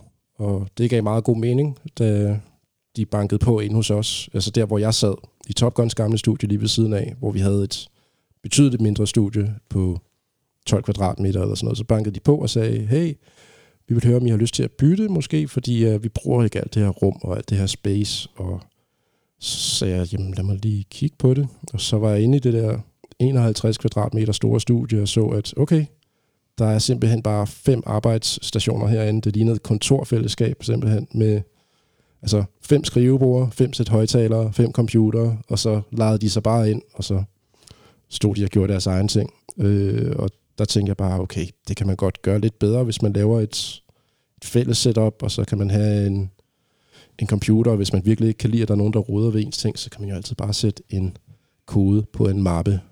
Sværere kan det ikke være. Øh, så jeg og så fik på en eller anden måde, så fik vi rykket det rundt, sådan så at de to, der var inde i det store studie der på Bøjsefabrikken, de kom hen i Toby og Daves gamle studie, og så rykkede jeg så med Toby og Dave ind i, et, ind i det større studie der. Øh, og på det tidspunkt, så havde vi sådan lidt dårlig samvittighed med kun at være tre i sådan et stort studie øh, på Bøjsefabrikken, fordi at altså, der er sådan en, en, en meget god ting, øh, meget god, jeg ved ikke, om man kan kalde det for parole, eller hvad det skal være. Men sådan, jeg synes, det er meget godt på sådan nogle øh, aktiviststeder. Altså, det er simpelthen bare alt øh, magt til de aktive. Øhm, så, så længe rummet bliver brugt af nok, så kan man også have det godt med, okay, så, så må man gerne, så kan man godt gøre noget ud af det, ikke? Så vi prøvede dengang at, at sige øh, til Chancho, hey, du skal med ind, og sådan noget der, og men det, der havde du måske i gang i noget uddannelse, og var ikke helt sikker på, om det var noget, der ville blive behov for, som vidt jeg husker. Nej, men jeg tror, at det, som jeg sagde før, så det her med at producere, det er meget nyt for mig. Ja. Øh, og jeg producerede ikke på det tidspunkt. Og Ja. jeg, jeg, jeg tænkte bare, at det gav ikke så meget mening, at jeg var... Jeg var der jo rigtig ofte, fordi at jeg var en del af crewet og venner med dem, men øh, jeg tænkte, at jeg behøvede måske ikke at, øh, at være så meget en del af det, at jeg havde en nøgle. Det, ja. Jeg lavede jo ikke rigtig noget alligevel. Øhm, og så møder I fire hinanden, og I danner Dobmanser. Lige præcis. Hvilke type arrangementer øh, spiller I til øh, lige i starten? Er det, og er det med, er det med Roots og, og Dub, når I, når I er ude? Det er med fuldt øh, live-dub setup, tror jeg faktisk. Mange af vores første ting. Altså, hvor vi render ud med en, hvis ikke en 20-kanals mixer, så en 32-kanals mixer. Altså, hvor vi simpelthen, altså, altså bruger super alt for lang tid på at sidde og pakke alle mulige effekter og ledninger og slipper super meget med, og hvor vi står og, og spiller en blanding af vores egne produktioner øh, fra det tidlige studie, og selvfølgelig også det nye studie, plus noget selection. Så Ja, der er ikke? en masse vinyl også. Ja. Øh, og selvfølgelig en masse roots og en masse af det her UK dub, ikke? Mm. Øh, men de første arrangementer, det har nok været på Bolchen. Det er jeg ret sikker på. Øh, det er jo sådan med Bolchen, at det er jo øh, et, øh, sådan et aktivistisk, øh, non-profit, øh, Once funded. once funded. det er så sygt. Øhm, ja, et, øh, et politisk hus, ja, det er ret politisk også. Øhm, så, øh, så det er noget med, at hvis man gerne vil lave arrangementer der, så kan man møde op til et fællesmøde og præsentere sin idé. Øh, det er selvfølgelig lidt nemmere, når man er en del af huset, så kender folk i huset jo en, ikke? Øh, så det var rigtig oplagt, at, øh, at det var selvfølgelig der, højtalerne var bygget. Det var der, det hele var samlet. Det var der, vi havde studie. Så selvfølgelig skal vi også holde vores fester der. Øhm, Jeg, jeg, jeg så øh, et videoklip på YouTube i dag faktisk, yes. Hvor I øh, var ude at spille sidste weekend til 48 timer festival, hvor I havde jeres anlæg med. Var det, øh, det var hele jeres setup, I havde med der? Øh, Der min- manglede to toppe. Ja, Nå, okay. to top. Ja. Men super, altså, og det skal lige være en anbefaling herfra. Det, det bør man gå ind og se. Det har I lagt på dagens blandt andet. Ja. Det er, video, øh, det videoklip. Øh, I er ude at spille på Nørrebro et eller andet sted. Øh, Ved Superkilen. Ja. Øh, lige ved den der bogle, bowle-agtige basketballbane. Ja. Der er der ved, ved hjørnet. Nær hjørnet af Tagensvej og Rosengade. Heldigvis meget tæt på Bolsjefabrikken også. Ja. Men øh, det, vi, det er jeg stadig høj på, faktisk. Ja, virkelig. Det var en stor, stor, stor oplevelse. Også fordi Øh, det var så lang tid siden, ikke? det var så lang tid siden. Det er så lang tid siden, at øh, hvor publikum også har hørt noget musik, Mm. og der var virkelig god stemning og en god sådan, velvilje omkring det, kunne man mærke, at folk var Mm. glade, og vi var super glade. Og vi fik lov til at spille meget højere, end jeg havde regnet med, fordi at det er jo virkelig tæt på bebyggelse, mm. øh, boliger, midt inde i byen. Øh, så jeg tænkte, at det, altså, der, går, der plejer at gå virkelig kort tid, så får man rigtig mange klager, selv når man spiller indendørs med det der, fordi der er så meget bas, og det kan spille så, så langt også. Det, det, det er nogle højtalere, som skyder virkelig langt. Øhm, så jeg var, sådan, jeg var sgu ret skeptisk omkring den der 48 timer, og jeg tænkte, "Pff, Vi sætter en tune på til lydprøve, og så kommer de første klager, så kommer politiet, inden vi er startet, og så skal vi pille hele lortet ned igen. Og det skete ikke. Vi fik ikke en eneste klage, og vi spillede rigtig højt, og den sidste halve time, der prøvede nogle medlemmer i Dub Mansa også lige at presse bunden lidt ekstra, så vi lige kunne få den sidste halve time med sådan... Selvfølgelig. Der kom basbadet. Ja, ja.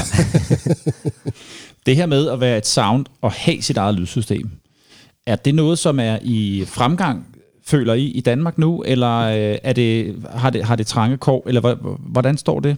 Og hvem, hvis I ved det, har egentlig sit eget lydsystem herhjemme? Jamen, det er jo et rigtig godt spørgsmål. Øhm, og vi har også øh, prøvet at, øh, at finde lidt frem til det, men så er der jo det, som hedder, at øh, jeg personligt ikke kendte jer for eksempel før. Øh, jeg har rigtig, rigtig længe hørt om Dub City. Men, øh, men sådan jer personligt har jeg aldrig... Men det er jo første gang, vi møder hinanden. Det er det jo, ja. ja. ja. Øhm, så der er også en eller anden form for generationskløft, så jeg tør ikke våge mig alt for meget ud i at sige, hvem der har og ikke har, fordi at, da vi lige snakkede om det før, der mindede I mig jo om, at Dub City selvfølgelig også har deres eget sound system. Øhm, men altså, der er der er lige kommet nogle nye drenge, som vi skal huske at nævne. To unge gutter, der hedder Thijs og Milo, som har bygget deres eget sound system. Øhm, jeg ved ikke om, øh, jeg tror ikke helt selv, de kalder det 12 volts, så det er... Øh, Nej, det, det kørte på generator. Ja, men, men det er, øh, det er øh, lidt mindre format, kan man sige, end nogle af de kasser, vi har. Øh, men de var også ude at spille til 48 timer øh, for første gang.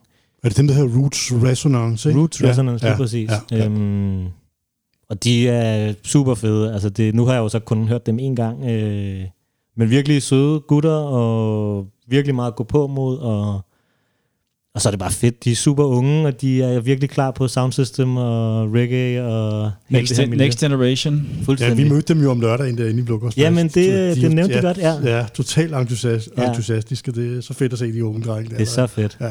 Fuldkommen. Øh, så er der jo selvfølgelig øh, Francis og Marnie har også deres eget soundsystem. Øh, Dread Baldhead. Øh, som jo er Francis, der har bygget det. Det må det være, ikke? Jo, jo, Øhm, det, det er det. og- Bygger det uden, altså efter øjemål også. Ja, uden, uden tegninger er det ikke sådan, han gør. Jo, jo, han er den vildeste bygger, simpelthen. Okay, han gør det simpelthen på, det, på øjemål. Det, det, det siger rygterne i hvert fald. Det, det synes jeg selv, han sagde. Øh, så, øh, ja, så var der, jeg ved ikke, er, var Firehouse, altså, men det kom jo frem, at de jo har solgt deres anlæg. Ja, eller er ved at sælge det. Ja, okay. Ja. Ja. okay. Men øh, ja, Noget i den, du er, ja. jeg, jeg, og jeg tror, de har solgt noget af det, så jeg tror ikke, de har deres, altså det fulde setup, som Nej. de havde på et tidspunkt. Ja. Øhm, Og så er der også øh, Denali. Denali selvfølgelig, vores rigtig gode ven Nick. Øhm, som vi Sangild. Har, Sangild, ja. Ja. ja, ham der havde øh, Rakapak, eller var Ja. ja. hovedkoordinator på, på Rakapak festivalerne Ja. ja. øh, dengang. Øh, altså, jeg ved, Andreas, Youngblood Andreas har haft sit i sin tid, øh, eller Youngblood Soundet, øh, som jeg er, har lidt en forståelse af, at han heller ikke helt har mere, tror jeg.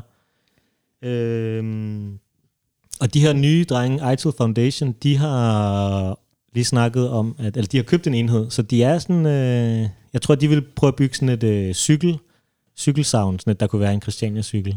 Ja. Så er der selvfølgelig Freetown øh, med deres 12 volts sound system. Og så har... Mm. Unity har vel måske ikke mere. Det er vel dem, der står på bolden, er det ikke? Det er det anlæg, der står på bolden. Ja. Øhm, og så har Bremer, jeg ved ikke om Bremer McCoy eller Guiding Star har nogle bundkasser måske. Jeg Og tror, de har en, Ja. en øh, scoop, som de har bygget, men ikke vist nok, øh, som de spiller ude med. Men det kunne være fedt at lave. Du viste mig den der plakat tidligere, ja. hvor man stiller tre sounds op i en arena. Ja. Øh, har vi sounds nok til det? Jamen, det er jo så spørgsmålet. Øh, fordi at, øh, altså vi har været med til To. To, ja, men faktisk, altså, nej, det er måske ikke arena, når der kun er to sounds, men der var også Firehouse og også inde i Pumpehuset. Men, øhm, men vi har været med til at arrangere to øh, af det, man kalder arenaer, Altså, øh, hvor hvor- der har været tre sounds i samme rum. Øh, og den første, det var den, øh, som vi har en plakat med, hvor det var os selv og Firehouse og Most High Warrior. Men det var så på Bolsje Sound, som de tog med ud. Et sted ude på Teaterøen, tror jeg det hed, på Refsaløen. Ja, det er godt husket. Ja. Ja. øhm, som var mega fedt. Virkelig, virkelig fedt. Det, der bare er super ærgerligt, det er, at det er rigtig, rigtig langt væk, og det er så heller ikke øh, måske den allermest hypede genre, så det endte meget med at være de øh, samme 10 personer, som man ser til hver Sound System Fest, der, der stod der, ikke? Det var... Altså, jeg husker det også, som om der var nogle svenskere, hvis jeg ikke tager helt fejl. Altså, det er, så vidt jeg har forstået, så er det også lidt altså, større i Sverige. Meget større. Naturligvis. Meget, meget, meget øh, jeg kan huske, at jeg spurgte øh, øh, Danai fra, fra Ding Ding Hi-Fi, sådan, Nå, okay, hvor mange sounds er der så i Sverige? Så sagde han sådan, Nå, 15 stykker. Som om, at øh, det er stille og roligt, ikke? Men så, så kigger man her, og så... Altså, jeg, jeg, ved, jeg synes ikke, det, det er alt for groft at sige, men der er ikke... Øh, eller jeg har faktisk hørt, der er nogle andre, der har sagt det til mig. Jeg tror, det var Zulu, der sagde, at altså, der er jo ikke nogen, der kører den... Øh, altså, der er ikke så mange, der kører den der helt komplette sound system stil, som vi gør, hvor man både har en på mikrofonen, og altså det er jo en, en stor del af det også, altså en, der kan, nogen, der kan synge, og selection, produktion, det, det må gerne være den der all-round ting, øh, synes jeg i hvert fald. Helt klart. Og dem, øh, dem er der ikke helt så mange af endnu. De er, jeg, jeg tror på, at de er på vej frem, specielt med den her øh, 12 volts øh, jeg, jeg, jeg, ved ikke, jeg har ikke lyst til at kalde det revolution, men det, det føles lidt som om, sådan, okay, nu kommer der nogle, nogle 12 volts lydsystemer, og, altså, som er i mindre format, men stadig efter samme principper, hvor det jo ligesom er en, altså man kan jo godt sige, det, altså det, det er en rigtig god måde at lære at bygge på, når det er i et mindre format, og så kan man jo bare bygge det større bagefter, sådan set, hvis man gerne vil bygge et større mm. også. Så det, det er super fedt at, at se, altså sådan som Freetown og Roots Resonance.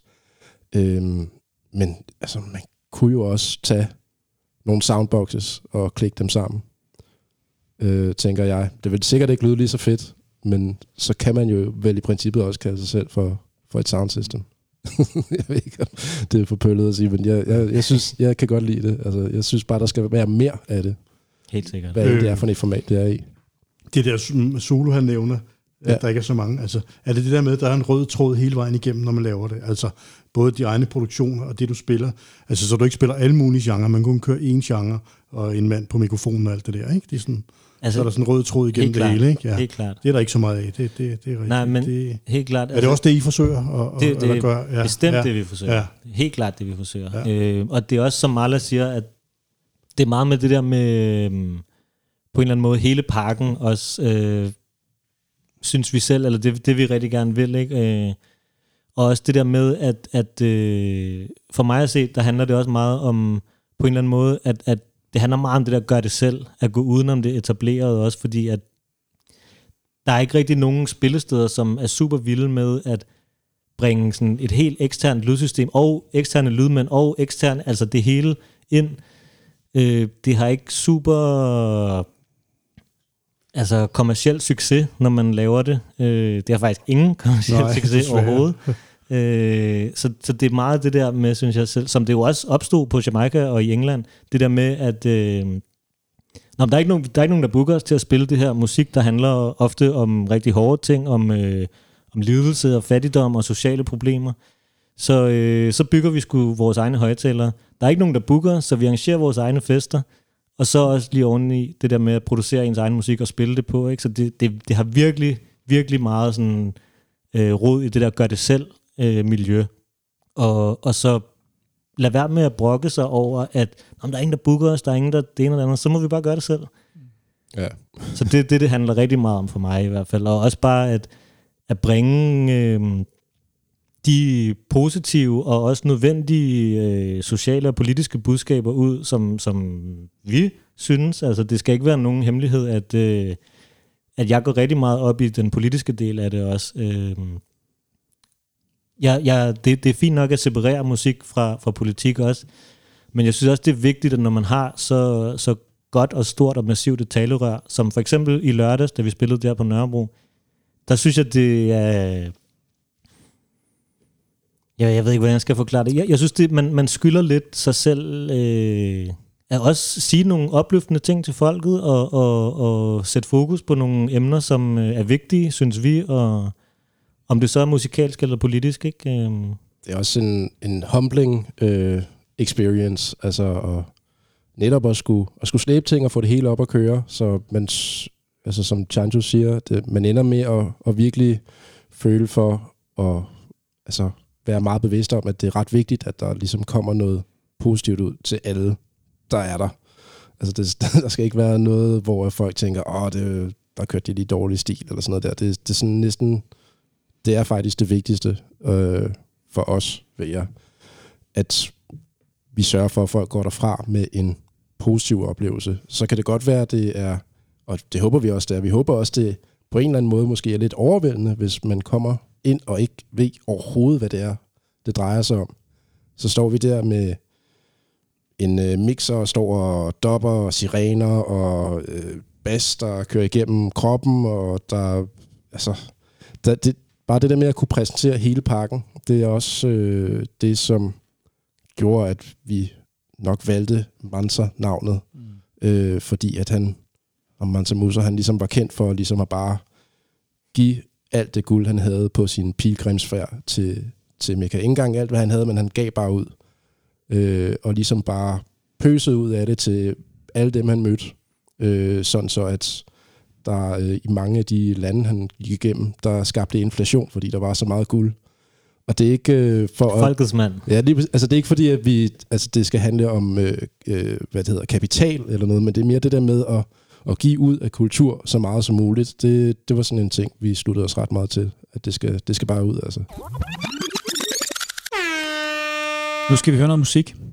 Og det er en produktion, som øh, I selv har lavet. Ja. Og øh, Det er det. Chancho, vil du ikke prøve at præsentere det nummer, vi skal høre? Det vil jeg. Øh, som sagt, så har jeg, er jeg selv ny i producer-gamet, så det, jeg, har, jeg har ikke været med på det her nummer. Så øh, det har været... Jeg tror faktisk lige det på den her rhythm, det er i høj grad Toby. Øh, sikkert Marla indover, sikkert Dave også indover, måske også... Øh, Det er, det er meget Tobis ting, Ja. ja. det her faktisk. Jeg har ikke rigtig rørt så meget ved det andet, end bare at sige, det lyder godt. øh, Det, det, det er også vigtigt. Det er der også brug for nogle gange. Ikke? Og så øh, har vi så øh, en rigtig, rigtig fed øh, dansk roots-sanger indover, øh, som vi deler studie med, øh, Jamobi, øh, som synger på denne her. Øh, en rigtig, rigtig god ven, en fantastisk producer, sanger, øh, Super, som man helt sikkert også skal tjekke ud noget mere. super god øh, mand, der også har været med til at holde Dopfabrikken kørende som øh, frivillig aktivist. Øh, lige siden han kom ind øh, på Bolsjefabrikken simpelthen, der har han været klar på alt, øh, alt det beskidte arbejde, når det kom til Dopfabrikken. Så Så øh, ja, det er en Dub Mansa-produktion, som er to-tre år gammel, og så med vores rigtig, rigtig gode brother Jamobi på mikrofonen. Og nummeret, det hedder Det hedder Kings Highway, Featuring Jamobi. Jamobi. Yes. Kommer her.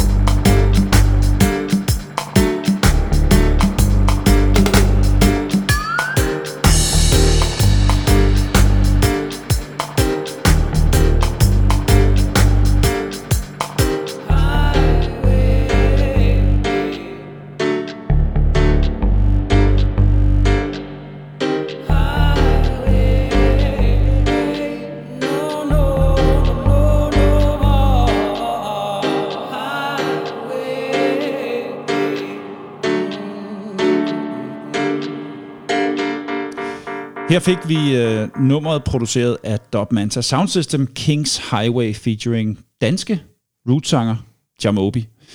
Er der, Yes. noget, øh, er der noget, vi lige skal nævne i, i, øh, i forbindelse med det her nummer?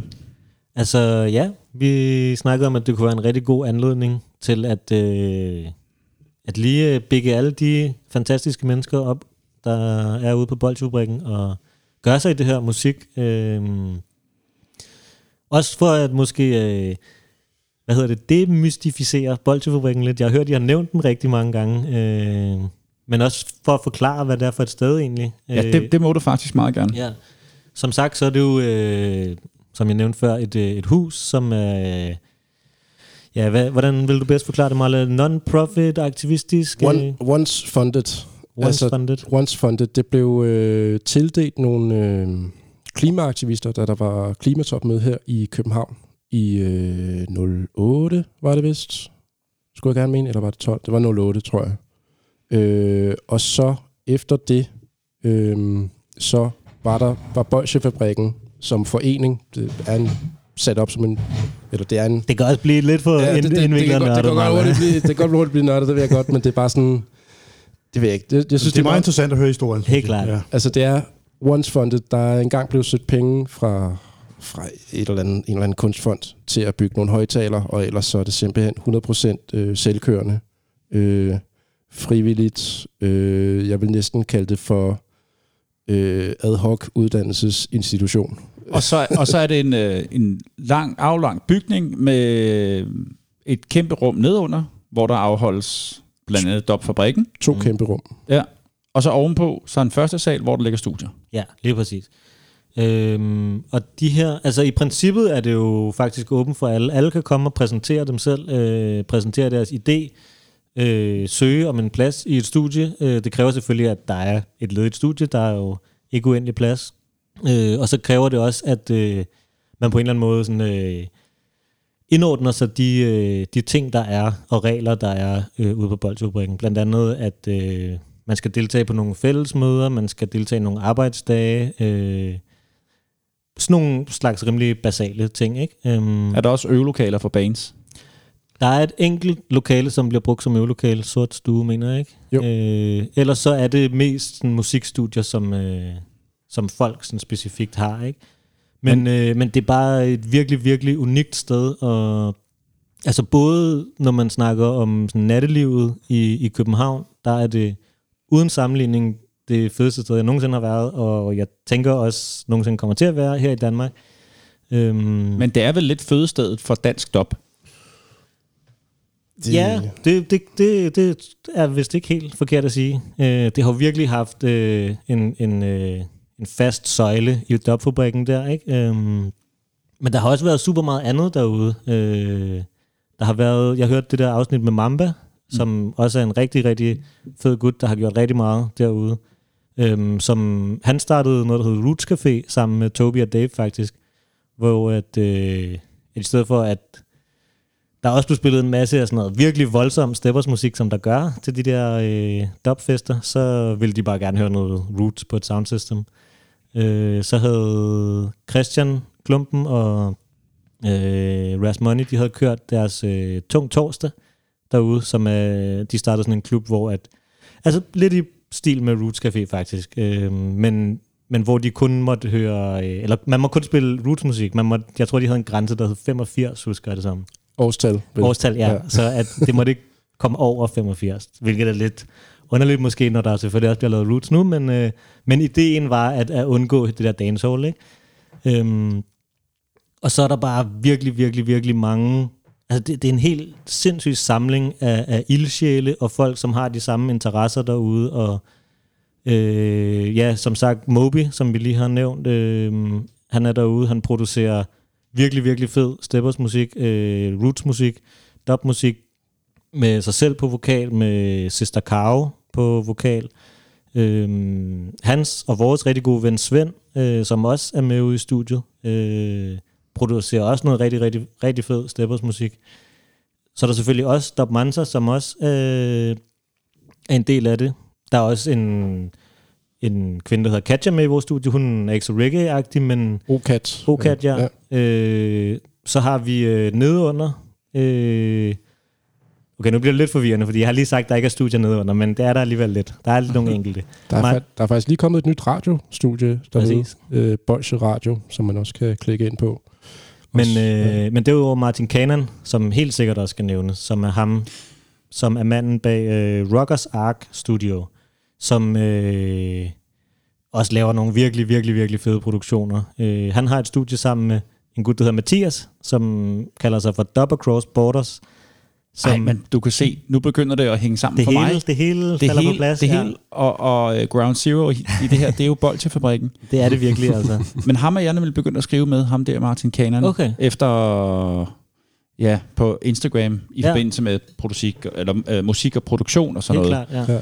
Og jeg vidste ikke rigtig, hvem han var, eller sådan, hvor jeg kunne, kunne placere ham henne. Men han er simpelthen derudfra. Han, han, er, okay. han er også en virkelig, virkelig øh, fasttømret søjle ude på Bolsjefabrikken. Har lavet virkelig meget lyd derude også. Øh, sådan lidt måske forlængelse af Toby og Dave, efter de stoppede den der lange periode, hvor de lavede lyd. Så har han haft en virkelig lang periode, hvor han har lavet lyd derude. Øh, produceret nogle sindssyge ting. Som så, som sagt, deler studie med ham Mathias, Double Cross Borders som jeg ikke øh, kendte super meget til. Øh, jeg, har, jeg har hørt navnet længe, men det er sådan først for relativt nylig, at jeg føler, at øh, han er blevet en god ven også. Og så fortæller han mig bare, at men han har turneret med Mad Professor og varmet op for ham og sådan noget. Så sådan, hvad for noget? Hvordan? Hvornår var det lige, han sagde det til dig? Jamen, øh, det var for, for nogle måneder siden. Okay. Men øh, hvor han har, været på, han har været på tur med Mad Professor og varmet op for ham i alle mulige forskellige steder, og spillet øh, på en eller anden kæmpe festival, den primetime lige efter Iration Steppers, og sådan sådan, what, hvordan er det gået over mit hoved, det her? øh, så det, det, altså det er virkelig, virkelig et, et fedt og unikt sted, og, og der, der er så mange folk, der er samlet derude. Der er også en masse andre, der ikke er blevet nævnt, som måske ikke er så reggae-agtige, men, øh, men, men den der reggae dub øh, og Steppers UK dub genre, den lever virkelig, virkelig i bedste velgående derude. Jeg forestiller mig sådan et sted, sådan et reggae slaraffenland, hvor man går igennem sådan en gang, og, øh, og så ud fra alle kontorer, der, der blæser der reggae. og så går man, stikker man hovedet ind, og det, Ja. det, det, har, det emmer lidt af det Ja, nogle det er ikke gange. helt galt. Altså man kan godt sådan lige rende rundt og sige, hov, jeg går lige ind i det her studie, og lige siger hej, og hov, jeg kan høre noget bas fra nedenunder, så går jeg lige ned til Martin Kanan og hører, hvad han har gang i. Og sådan, altså der, der er en god løs stemning øh, derude, og, og alle er rigtig gode til at, at være venner og hjælpe hinanden med alt muligt. det kunne være, at vi skulle have, det kunne være, at vi skulle, øh, øh, vi skulle have studiet derude, Lars, og lave, og lave programmet derudfra. Det, godt være, Det ville da være de rigtige Ja, omgivelser. selvfølgelig. Det er, være, det er det, ja. reggae-huset. Ja, Det er det. Så ville der heller ikke være så langt for alle gæsterne. Nej, altså, det, det er det.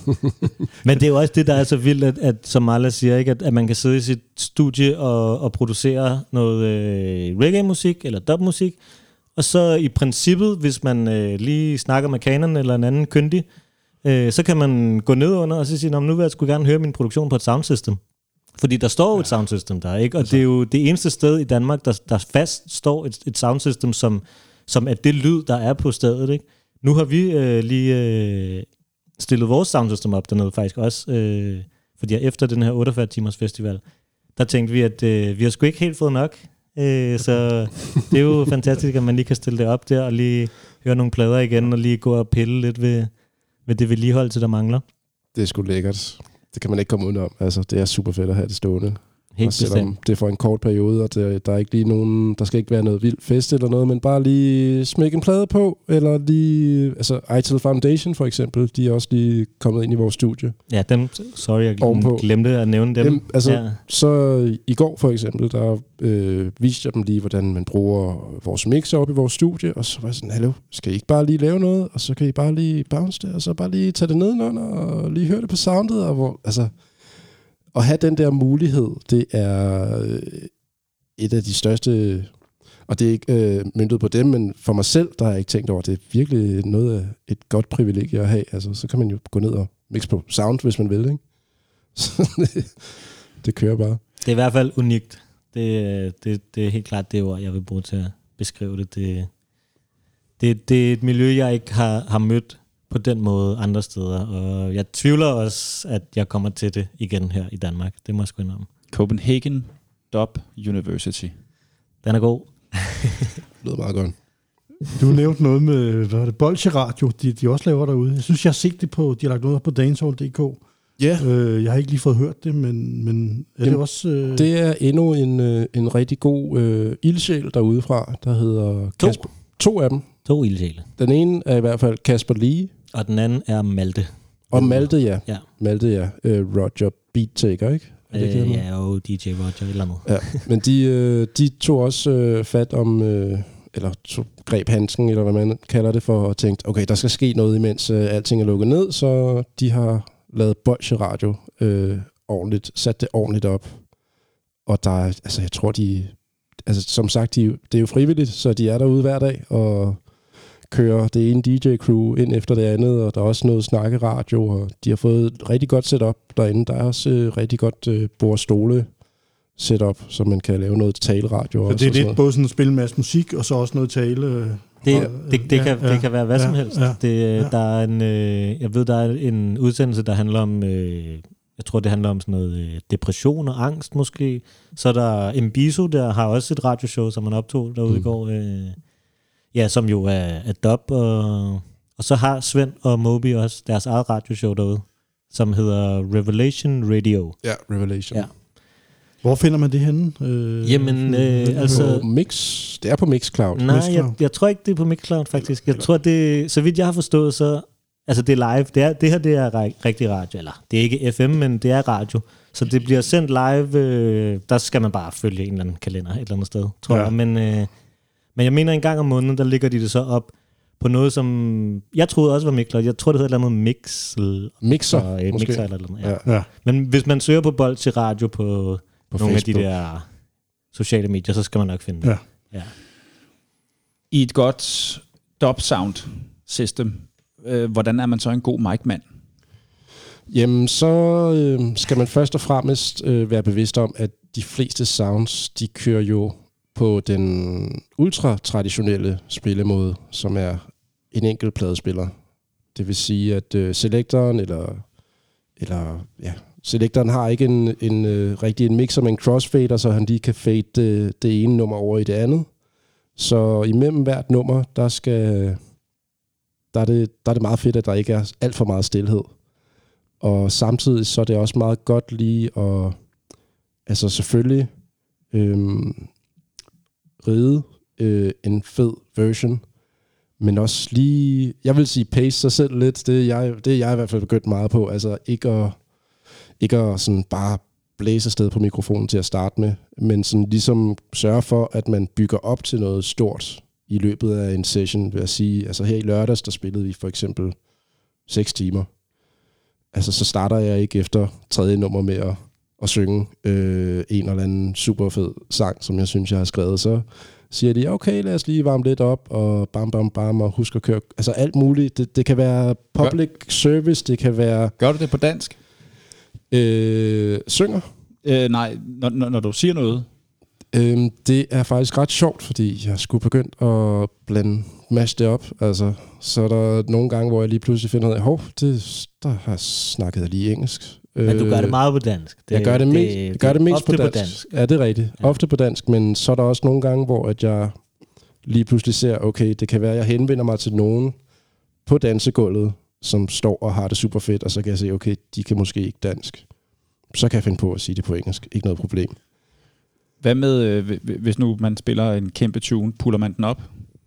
Øh, ja, det kan godt ske. Det, men men, det, kan men, godt men det er med at løfte pick-up'en. Ja, ja, det, er det ikke er- med at... vrrr. Øh, nej, det, det vil jeg mene helt klart var også bare for at skåne pladen måske lidt, så, ja, så tror jeg, at jeg ville løfte pick up Jeg vil også gøre en nas med den bas der, tænker jeg. ja, ja det, det er sådan noget andet. Ja, den der uh, lyd, der, Ja. når det er meget højt, det kan godt være, at den er lidt øh, hård for ørerne. Måske. Ja. Og hvilke type tunes er total no-go på jeres sound system? Det er et godt spørgsmål. Øhm, altså, jeg tror meget naturligt, øh, så er der en eller anden form for øh, box, som det helst skal passe ind i, som hedder Roots. Øh, det kan hedde Dub. Det kan hedde Steppers. Øh, det kan også godt hedde Rocksteady. Øh, Ja, ja. Ja, ja, bestemt. Altså, jeg synes faktisk, øh, det afsnit, de havde med Andreas Unity, Nu er jeg faktisk lidt i tvivl om, om det var i jeres podcast eller i vores, som vi, vi har også haft ham inde. Øh. Han nævnte det. Men, men han nævnte, at, øh, at Unity og Hi-Fi altid har spillet al slags roots-musik, og, og han definerede roots meget bredt. Og det synes jeg egentlig var en meget fed måde, han gjorde det på, fordi at, hvor han også nævnte, at, øh, at det her conscious øh, digitale dancehall nogle gange også kan være roots for ham. Øh, UK dub er også roots for ham. Roots musik er selvfølgelig også roots. Øh, Rocksteady er også roots. At det handler måske mere om... Øh,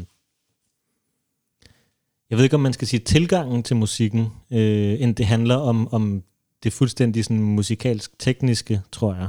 Øh, men altså, det er nok ikke nogen hemmelighed, at det, det hovedsageligt er, er steppers musik, og så er det hovedsageligt roots musik, der bliver spillet. Men, men klassisk, klassisk roots reggae, lad os nu bare tage et culture tune for eksempel, ikke? Mm.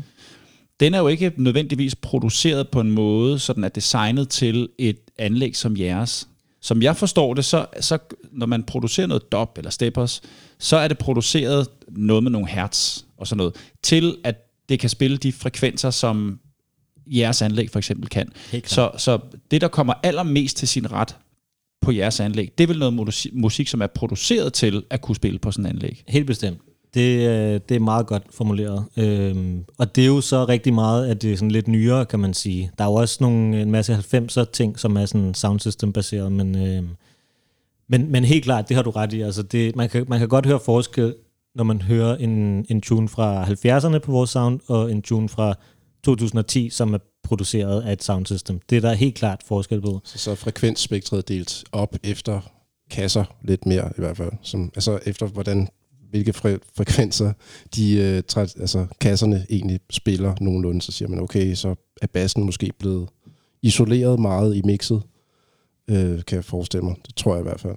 Så det, altså det, det er fuldkommen rigtigt, hvad du siger. Ja. Men undskyld, også i forhold til det her med, at, øh, at, at i selve produktionen, der tror jeg også, at det er at ligge frekvensniveauet så lavt, at, øh, at på de her gamle roots tunes, der altså, jeg, jeg vil næsten mene, at de også var produceret til en form for soundsystem på Jamaica dengang, ikke? Men, øh, Soundsystem-teknologien har så den også har så udviklet sig meget udviklet sig siden da. ikke? selvfølgelig, ikke? Men, Ja. øh, Ja, og omvendt, så kan et nummer, som er produceret til, til et soundsystem, vel heller ikke komme til sin ret på et anlæg, som ikke kunne spille de frekvenser. nej, det er rigtigt. Altså, og så kunne man ikke få den oplevelse der, fordi som jeg, som jeg forstår det, er, mm, at, at den dub, som I for eksempel spiller, eller nogle af alle de andre øh, sounds herhjemme, øh, der er det jo lige så meget oplevelsen af lyden, af bassen, af produktionen, Helt klart. øh, som det er, hvad der bliver sunget, de, de budskaber, der er i teksten for eksempel. Ja. Ja. Altså, det, jeg, jeg vil sige, at det hele, det, øh, det skal gerne gå op i en højere enhed, for at det sådan bliver rigtig fedt for mig. Øh, så hvis det er en super fed produktion og en virkelig frygtelig tekst, så er det måske ikke så fedt at spille. Eller hvis det er en øh, super fed tekst og en virkelig dårlig sej, altså melodi, så... Altså, det hel, det helst det hele, ikke? Det er Øh, også det med, at jeg kan ikke huske, om det var... Altså, der er et, øh, et interview med Jashaka på, øh, på Red Bull Music Academy radio eller sådan noget der, hvor han går meget igennem, hvad, altså, hvordan han gør det, for eksempel. Men der, siger han en, der synes jeg, han siger en meget god ting med, at altså, det meste, den mest spændende melodi ligger som regel i bassen i, i sådan nogle ting, og det er det, der ligesom driver det hele frem, det er melodien i bassen. Når bassen er, så er så dyb, at det for eksempel ikke kan komme til rette, hvis man lige spiller det ud fra sin computer, så bliver man jo, altså jeg bliver tit nødt til at forklare folk, øh, når jeg snakker om sådan, Nå, det, her, det der soundsystem, og vi spiller det her super bassmusik, og så siger de, oh, helt sikkert, kan jeg lige høre det på computeren, så sætter jeg det på, og så står jeg og synes, jeg ser lidt dum ud, men man bliver nødt til at sige sådan, jamen altså, det er ligesom, altså det er musik, der er lavet til at blive spillet på et sound, øh, og det er derfor, at bassen ikke kommer til sin ret øh, på noget andet næsten. Altså det er, næsten, det er næsten synd at, at høre det på et eller andet caféanlæg. Øh, og det er der også, det ved jeg også, der er mange, der, der nærmest undgår, altså simpelthen. Øhm, så det her med, at det ligesom er, er bassen, der har den, den drivende melodi, det gør, at det, det, det er bare en, en oplevelse at høre det, frem for en, mm, hvad skal man kalde det for? det, er, altså- det er en meget sådan fysisk oplevelse også. Så, Ja. så, ja, så jeres helte, det er ikke nødvendigvis en, øh, en, en musiker, altså en guitarist, trommeslager, bassist, men det er måske nærmere en producer, eller en selektor? Øh, ja, altså det, jeg, jeg, jeg, jeg tror måske, at det, altså jeg, nu helte, det, det, det er også et stort ord måske. Også fordi, at jeg har det sådan personligt i, øh, i reggae-musik, at jeg har, øh, jeg har ikke rigtig fulgt så mange sådan, øh, kunstnere, hvis man kan sige det sådan, i en, i en hel karriere. Jeg har mere fulgt en, øh, en periode, jeg synes er fed, eller en, et studie, jeg synes er fedt, eller sådan, øh, hvor det er sådan, fordi for mig at se, der, der er der rigtig mange reggae-kunstnere, som så lavede de musik i 70'erne, 80'erne, de lavede også musik i 90'erne, måske også nogle tunes i 0'erne. Og, og for min egen personlige smag, der, der er der bare rigtig meget sådan kvalitetsforskel. Øh, og jeg har sgu ikke super meget lyst til at høre Dennis Browns 90'er ting. Jeg vil meget hellere høre hans 70'er ting.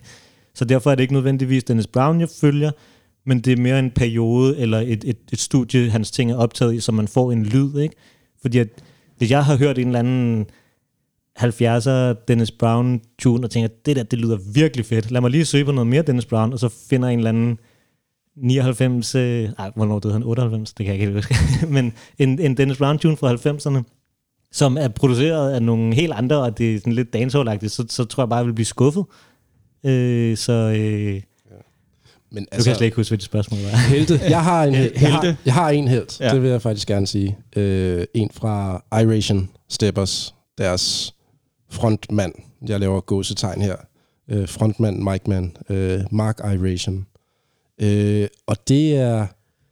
Altså ham har jeg som helt øh, mere på grund af de vibrationer, han simpelthen bare udsender, når han bare er sig selv. Ikke øh, nødvendigvis på... Altså, deres produktioner er super dejlige, hissige og det hele, men øh, altså, vi, havde, vi var blandt andet til en, øh, en festival i Wales, der hed United Nations of Dub. Øhm, øh, os, og et, vi var et helt, et helt hold fra, fra Danmark af. Vi var måske 30 stykker, skulle jeg gerne mene. Måske lidt mere.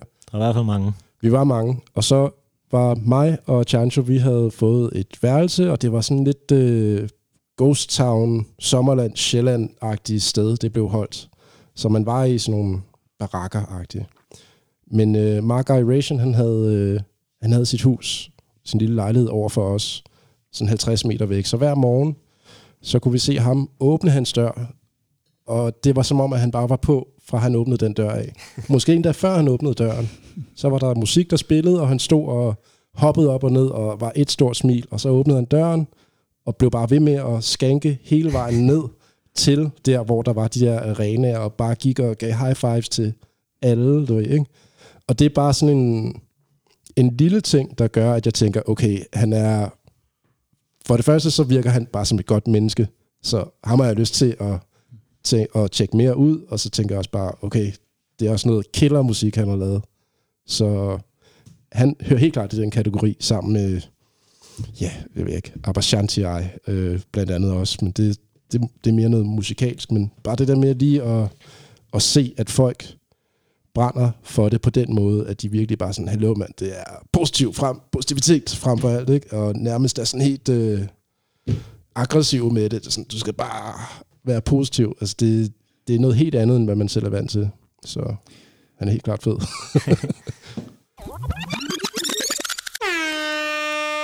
Det er blevet tid til at høre noget mere musik. Yes. Og Marla, jeg tænker, du kan, pro- øh, du kan ikke producere det næste, for det er produceret, men øh, præsentere det næste. Det vil jeg ønske, jeg kunne, men det kan jeg ikke. Jeg er Nej. ikke selektoren. Det er Chancho. Nå, det er Chancho, der så får skal igen. introducere den, fordi jeg havde valgt den anden. Nemlig. Ja, det, kunne, det burde næsten have været omvendt, ja. ja. Øh, men øh, desværre, Malle. Nu Det er tager jeg okay. også den her. Det er okay, det er okay. Men jeg har faktisk valgt den her tune, fordi at, øh, ja, I, I, I snakkede om, at øh, en tune, der betød rigtig meget for en. Øh, den her tune betyder helt klart noget for mig, men øh, jeg vil næsten sige, at historien betyder endnu mere for mig. Fordi at, som sagt, så øh, er jeg virkelig, virkelig... Øh, jeg er helt besat af vinyl. Altså, jeg, jeg bruger rigtig mange øh, af mine, øh, mine penge på det, og jeg køber rigtig meget vinyl og undersøger rigtig meget, og og så øh, var jeg så heldig at øh, faktisk besøge Jamaica for seks år siden, tror jeg det var. Syv år siden, seks år siden. Øhm, på et tidspunkt, så kommer der så nogle venner og besøger mig. Øh, og den ene ven, han har et, øh, et hookup til sådan en gut, fordi det er lidt svært at finde plader på Jamaica. Det er ikke, du går ikke bare ind i en butik, musikbutik. Der er næsten ingen pladebutikker tilbage, Nej, vel? ikke rigtigt. Nej. Nej. Jeg fandt sådan nogle, sådan nogle stande nogle steder, hvor det, der var sådan lidt histerpist, men, men, øh, men som jeg forstod det, så var, hvis man skulle finde noget rigtig guld, så skulle man ud til folk, privatpersoner. Og så, øh, det var så ham JG fra Firehouse, der var med, og Christian og Rasmus Klumpen og Raske. Øh, og de alle sammen går også rimelig meget op i vinyl, øh, så vi skulle da selvfølgelig på en vinyltur, øh, og ham Jakob der, han havde et hookup, til sådan en gut, som øh, han kaldte Kush.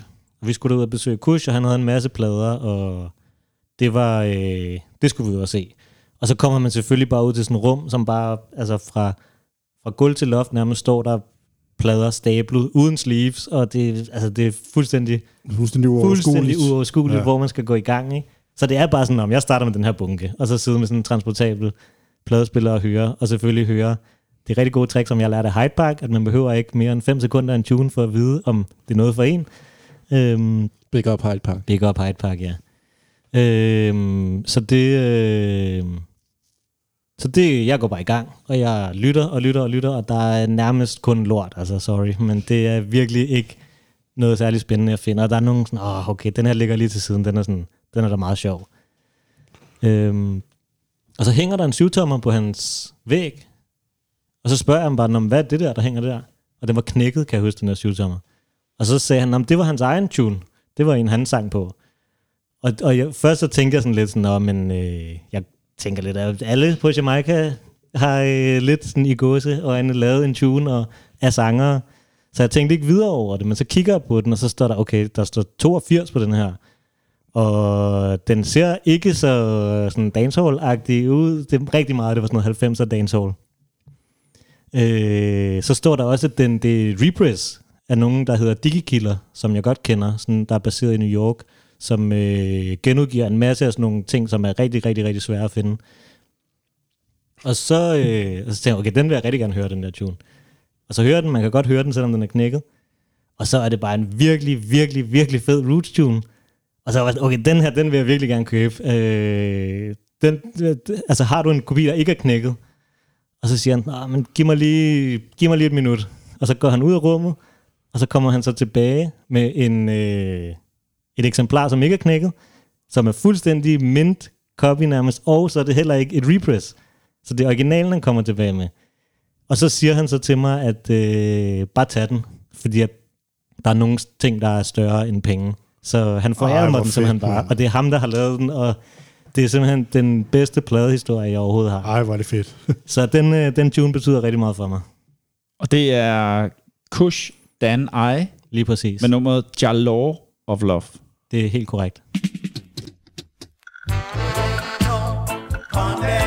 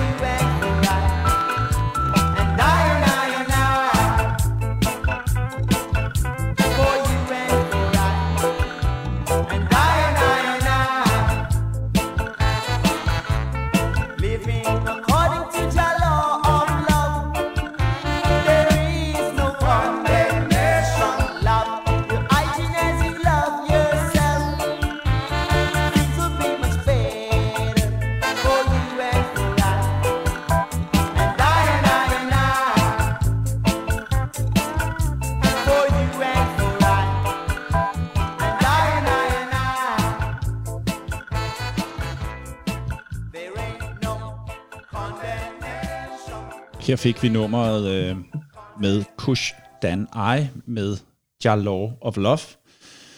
Undervejs her, så sad vi lidt og snakkede om det her med, at øh, alle amerikanere, de er født med en mikrofon i hånden og sådan noget. Lars, du havde, du havde en, øh, en interessant statistik. Den vil jeg godt lige høre. Jamen, det var en, der kom for nogle år siden, og øh, det var noget med, over en vis periode, var der indspillet 25.000 sange på Jamaica. Og hvis man gjorde det op i forhold til befolkningsantallet, øh, eller befolkningstallet på Jamaica, så svarede det til, at hver fjerde indbygger havde været inde i studiet og indspillet en sang. altså, Det er det er jo helt vildt, ikke? Altså, Jo, det er det. Forestil dig, at hver fjerde dansker havde været inde i studiet og indspillet et nummer, ikke? Altså, Og så næsten Altså, nogenlunde med samme altså- genre. ja, ja, ja, ja. Jamen, det er vildt, altså. Så jeg- produktivt de er. Det, Jeg synes også, jeg har hørt et, et lignende tal fra Hyde Park, og som vi selvfølgelig heller ikke skal glemme. Jeg skylder Hyde Park en rigtig, rigtig stor del af min, øh, min pladesamling, min viden til reggae, min kærlighed til det her, så altid big up Hyde Park. kæmpe big up til Hyde Kæmpe, Park. kæmpe big up. Men, øh, men jeg synes engang, han sagde også til mig nede i hans butik, at øh, der kommer 1500 udgivelser fra Jamaica hver uge, og det, Det er jo også det, det, var jo nok helt, til at øh, ja, det er helt vildt. springe mit hoved. Ja. Ja. Altså. I har jo som øh, bekendt jeres eget, eller jeres egen podcast, som hedder 27 Hertz. Ja. Den, den kunne jeg godt tænke mig at høre lidt om. Hvad går den ud på, og hvad handler den om? Ja, altså øhm, det kan være, at vi skal starte med at nævne, at det er på en måde lidt et... Øh, vi kører lidt videre fra en anden radiopodcast, eller hvad man skal kalde det, som vi havde, eller som vi var en del af, faktisk. Øhm, Det hed Baskultur ja, på, på Heartbeats, hvor vi var inde i, hvad hed det, studie 6? ja hed. Heartbeat-studie. Ja, Heartbeat Studie. Hvor vi ligesom øh, blev øh, rounded op i, øh, i et, et rigtig godt hold, der ligesom skulle prøve på at forklare øh, noget om baskultur. Og så var det så os, der blev de designerede reggae-mennesker. Øh, så der var også nogen, der sådan specificerede sig i drum and bass, og nogen, der var mere over i, hvad var det? Ja, der var dubstep. Hiphop også, og- eller, eller? Ikke hiphop, nej. Ikke nej. hiphop, nej. Men det var, det var blandt andet de her rigtig meget øh, med initiativ for de her uhøje mennesker, øh, Nå. som har det her Ja. ja. dubsteppet. Ja. Øh, det er også dem, der laver bass under buen, Ja, ja, blandt ja. andet og sådan noget. Og Frederik 2000F fra Uhøje, han er jo en virkelig gedin steppers producer også, og er, hvis, øh, nu håber jeg ikke, jeg øh, siger noget, som han ikke er enig i, men jeg føler, han er rykket sådan lidt fra dubsteppen over til, øh, til det her UK dub og steppers musik, som, øh, som der jo er, det er set før. Ja, ja. Ja. Folk går den vej fra dubstep og så hen til, til den ægte, til den ægte genre. Nej, den skal nok lade være. Men det, det kørte vi i, var det et år, vi var der, eller sådan noget? Ja, et års tid. Ja. Det tror jeg, hvor vi sådan ligesom tog den helt fra, fra bunden af, og jeg kan huske, øh, jeg tror det var første afsnit, hvor jeg sådan, hvor vi havde Dave inde øh, som ekspert, som vores, som vores ekspert. Altså Dave var jo en del, han var jo i Danmark der, så han var Ja. jo en del af det. Hvad, Ja, ja. Lige præcis. Altså Dave var med hele tiden, og vi var alle sammen inde, men det var sådan noget med, så sådan skulle, spurgte vi hinanden sådan, Nå, kan du så forklare, hvad er en dop? Og så, sådan, altså, hvor man ligesom tog den helt fra Helt bunden fra bunden af. Ja. Ja. ja. Øhm, og så øh, kunne vi mærke, at der var super meget... Øh, altså, vi fik god feedback fra, fra folk, vi ikke øh, havde snakket med før, folk, vi ikke kendte. Øh, og så, øh, da det sådan ikke rigtigt, da der var lidt ophold i det, og det begyndte at blive noget andet, og så tænkte vi, okay, det, det prøver vi, at- det prøver vi sgu at, at køre videre med. Øh, og nu øh, laver vi det op i vores eget studie. I Bolsjefabrikken. Lige præcis, ja. Ja. Lige præcis. Og så det der med, det hedder 27 hertz, det er en, øh, en, en frekvens, vi blev enige om, at det, vores anlæg kan godt spille 27 hertz. Øh, Hvilket selvfølgelig er en øh, meget lav basfrekvens, Ja. meget, meget dyb basfrekvens. Øh, der var lidt øh, diskussion om, om, om vi kan spille igennem på 27 Hz. Det, øh, om det, det, det tror jeg måske hellere, I skal have fat i øh, de meget tekniske nørder i Dubmanser, der kan forklare det. Men, øh, men vi kom frem til, at det kan i hvert fald godt spille 27 Hz, og det er meget dybt og meget tungt. det skulle i hvert fald være nogle af de frekvenser, der ikke kan høres, men mere føles. Ja. Eller sådan noget. Noget, noget, noget, noget, noget lyd, der bliver skubbet. ja.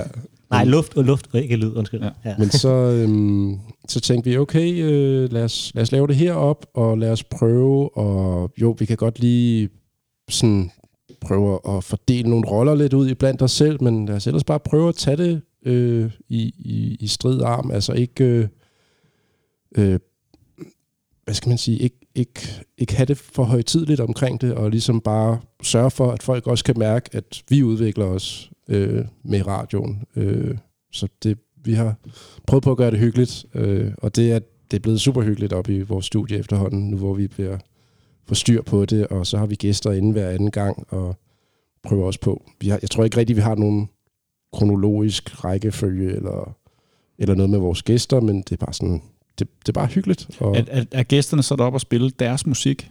Ja. Okay. Eller det er forskelligt jo. Altså, der er mange, der er nogen, der spiller deres egen musik. Det kommer også an på, hvem de er, kan man sige. Ikke? Det er jo det. Vi havde Nick Sangil deroppe. Han producerer jo ikke, så han havde bare taget plader med. Ikke? Så det er sådan lidt, at gæsten sp- spiller nogle plader også eventuelt, eller I spiller hans plader, at øh, han er Øh, med, eller, altså, og så pludselig en samtale indover. Er det sådan, I kører det? Altså, jeg tror helt klart, at man skal se det sådan, at vi, jeg tror, vi er lidt mere fokuseret på musikken, end, end I for eksempel er. Øh, jeg, jeg, vi snakker mindre, og så hører vi mere musik. Øh, men, men der er stadigvæk øh, snak mellem hver nummer, ikke? Øh, så øh, ja. Ja. Men vi, gør, vi lader det være op til gæsten. Det kan lige være, at vi sætter første nummer på, bare for at lade det være ved det. Men ellers så prøver vi ligesom på at fokusere på, at altså ligesom I også har været så gode til at, ligesom at sørge for, at gæsten får, sin, får hele sine ting med, og man lige får styr på alt, hvad det er, der er sket i vedkommendes ja, tur herop til. Ikke? Og hvor tit udkommer I med, med 27 hertz øh, en gang om måneden. Hver den første på SoundCloud? på SoundCloud, ja. Ja. Okay. Og, ja, det, Og- og, og også, øh, vi lægger det også ud på noget, der hedder Talawa, som er sådan en øh, fransk hjemmeside, som øh, nærmest kun handler om det her soundsystem-kultur. Øh, jeg, jeg tror, der er regler omkring, hvad der må blive lagt op, i form af, at det skal være en, altså en conscious vibe. Øh, så jeg tror ikke, man kan lægge dancehall, øh, som handler om alt muligt andet, op.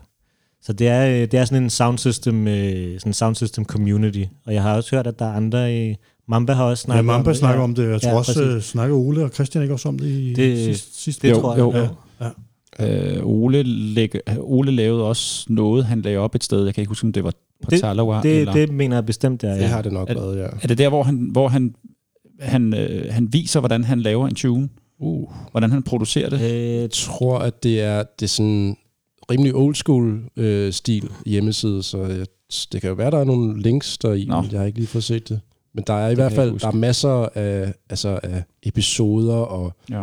øh, sets, man kan hente ned og lytte, og det er en super god kilde til, til at høre ny musik. rigtig ja. mange af sådan nogle, øh, sådan nogle øh, optagelser også fra, øh, fra sådan nogle sessions, ikke? hvor man, der er nogen, der har sat en eller anden diktafon eller direkte ind i mixeren, når Jashaka spiller i 1990, og så det kan man også høre derinde, og så ja. høre sådan et tre timers sæt der, ikke? Det er Ja, virkelig fedt. fedt. Altså. Ja. 27 hertz. Øh, Jeg har hørt ikke alle afsnit, men øh, en god, en god del af dem. Og jeg har lært meget af det, og det skal være en stor anbefaling herfra, at man går ind og hører det inde på SoundCloud. Dub Mansa tak. Sound System inde på SoundCloud. Yes. Nu skal vi snakke lidt om jeres største oplevelser inden for musik. Øhm, hvad har det været? Altså, ja, den er sgu svær. Altså, jeg, øhm, nu kan vi jo selv mærke, hvordan det er, når vi stiller alle vores gæster alle mulige helt vildt svære spørgsmål. Det er det. det, er det. det sad vi faktisk på vej over og sådan, åh, det skal man jo også prøve at opleve det her. Ja. Men øh, altså, jeg, jeg kom frem til, at en af dem, jeg i hvert fald føler, jeg bør nævne, det er den øh, festival, Marla nævnte før, UNOT, United Nations of Dub, som også er blevet nævnt rigtig meget i vores egen podcast. Jeg har også hørt, at... Ja, Ole og Ja, Christian jeg snakker også om ja, det i sidste også, afsnit, ja. ja. Øh, Det er den der i Wales, ikke? Lige præcis. Ja, Og, Den er- øh, den og vi var også sådan et helt hold, som Marla sagde, på 25-30 Ja, ja, ja. mennesker, hvor at Det må have været en fed tur. Virkelig fed tur, Ja, ja, altså. ja. Ja. De, jeg var kun med et år, desværre, ja. øh, hvor Toby og Dave og alle de andre, de har også været der en del år. Men det ene år, jeg var der, som var sidste år, altså, eller ikke sidste år, men det var det sidste år, det kørte, øh, der var der sådan en arena øh, session, som, øh, åh, det er pinligt, jeg kan ikke huske alle sammen, der var der, men, men den der oplevelse med en hel aften at høre Fire Øhm, sounds, det var Channel One, det var, det var OBF. det var OBF, Iration, Masai Warrior, Jatobi. Øh, var der flere? Nå, den aften der. Ja, hvor det var Øh, rotation hele aftenen. var det King Alpha også? Måske? Ja, måske også King Alpha, det der helt vildt høje der. Ja. Ja. Det var i hvert fald nogle virkelig, virkelig store navne inden for det her, og så høre dem en hel aften på deres eget soundsystem.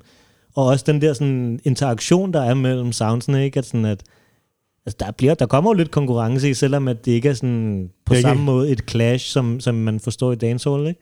Men, men der er bestemt altså et konkurrenceelement i også sådan at lige Og prøve at være oppe- bedre end oppe de i de andre, andre. ja, Ja. lidt, ikke? Mm. Øhm, Der var i hvert fald meget med, at sådan, man, man gik ind og tænkte, at det, hvordan kan det være, hvordan er, det, hvordan er de i stand til at spille så højt, hvor det stadig sådan lyder godt, i hvert fald. Det, det var der i hvert fald mange. men gjorde det så også det? det Jeg havde ikke ørepropper med. Jeg havde, nogle, Nå, det- jeg havde købt nogle, øh, sådan nogle, altså sådan nogle skumgummi, nogen, som der var der. Så jeg, fik ikke, jeg tror ikke, jeg fik hele oplevelsen. Men, øh, ligesom men jeg, andre. havde, øh, jeg har sådan nogle formstøbte ørepropper med sådan et øh, dB-filter i, øh, som passer selvfølgelig perfekt til mine ører. Så jeg, jeg kan... Øh, det, er virkelig, det skal jeg virkelig anbefale til alle, der, der går op i det her øh, med at høre live-lyd og sådan noget, fordi at det, der er så fedt, det er, at du kan gå op helt, altså stå fuldstændig foran øh, højtalerne, og specielt i det her soundsystem-regi, så det, handler det jo meget om at mærke det også, ikke?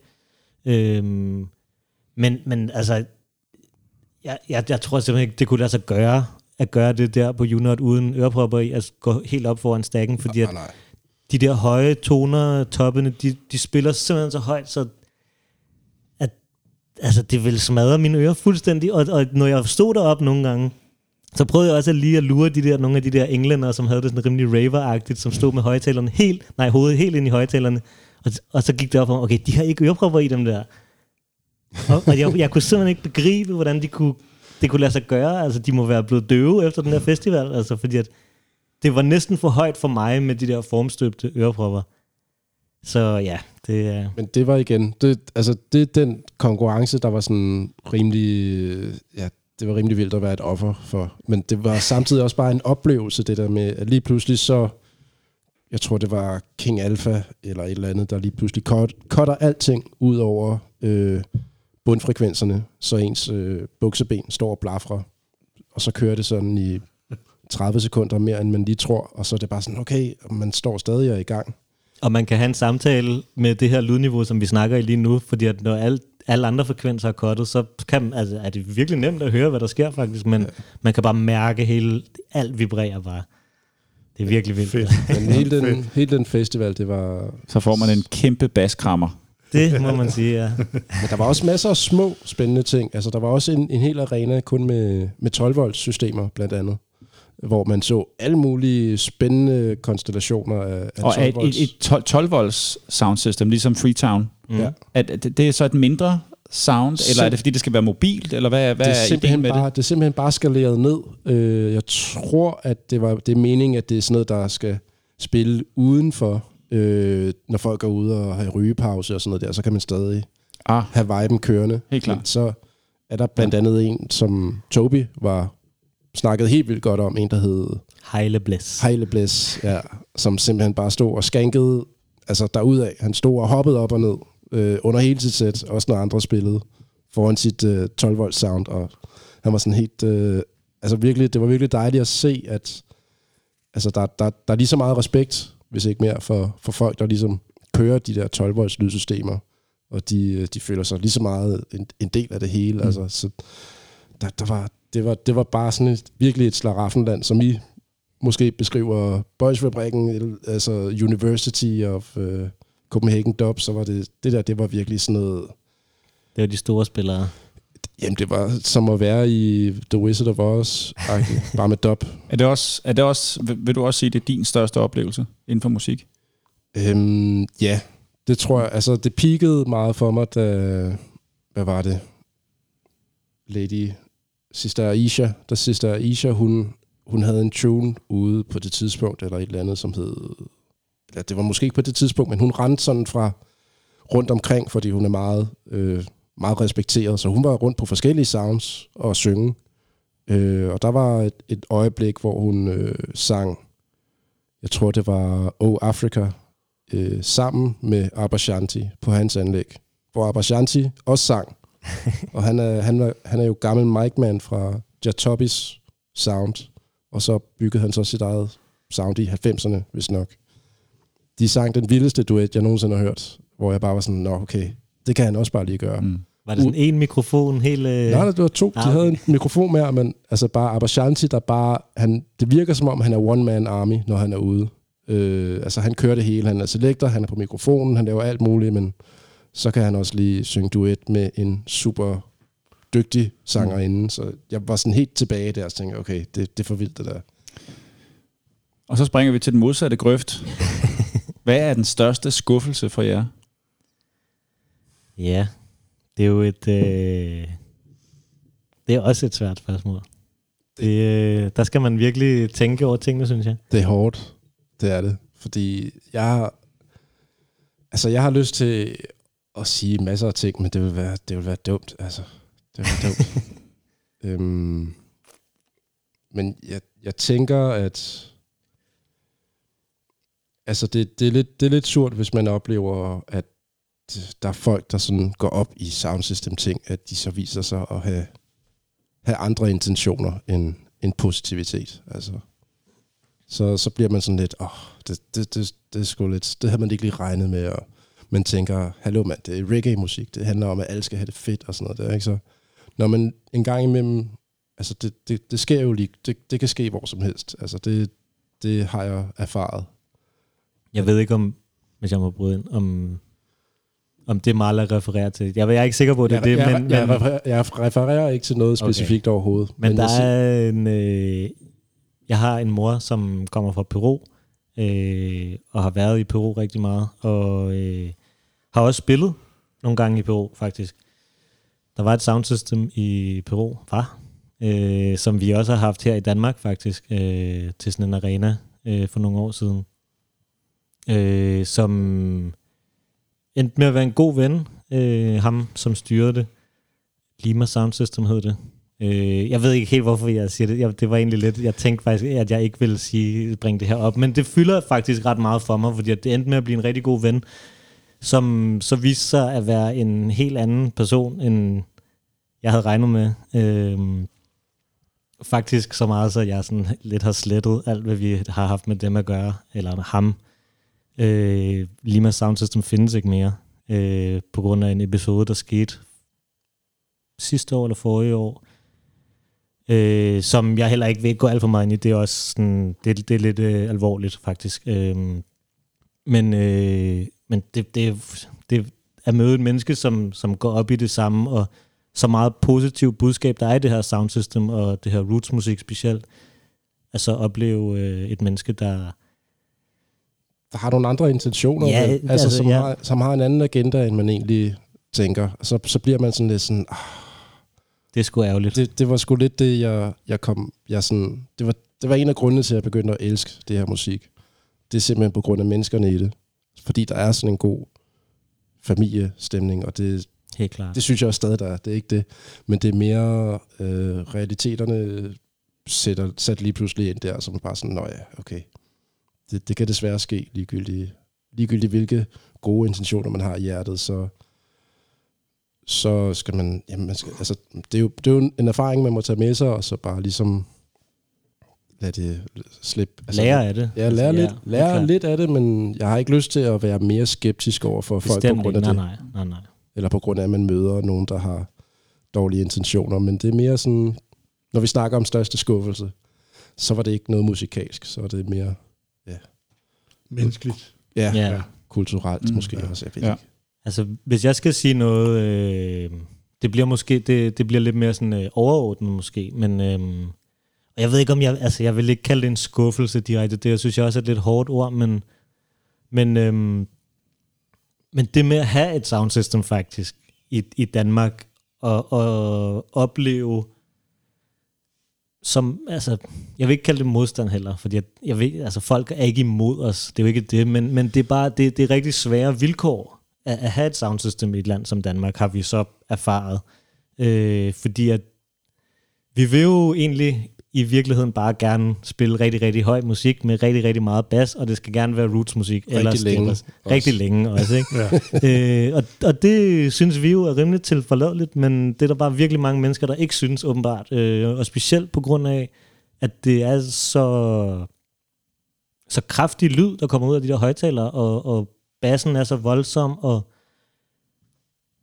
altså det, det synes jeg skulle er ærgerligt, at, at have det her soundsystem af, af vi betaler jo også øh, husleje hver måned for at have det opmagasineret et sted, fordi det fylder jo virkelig meget.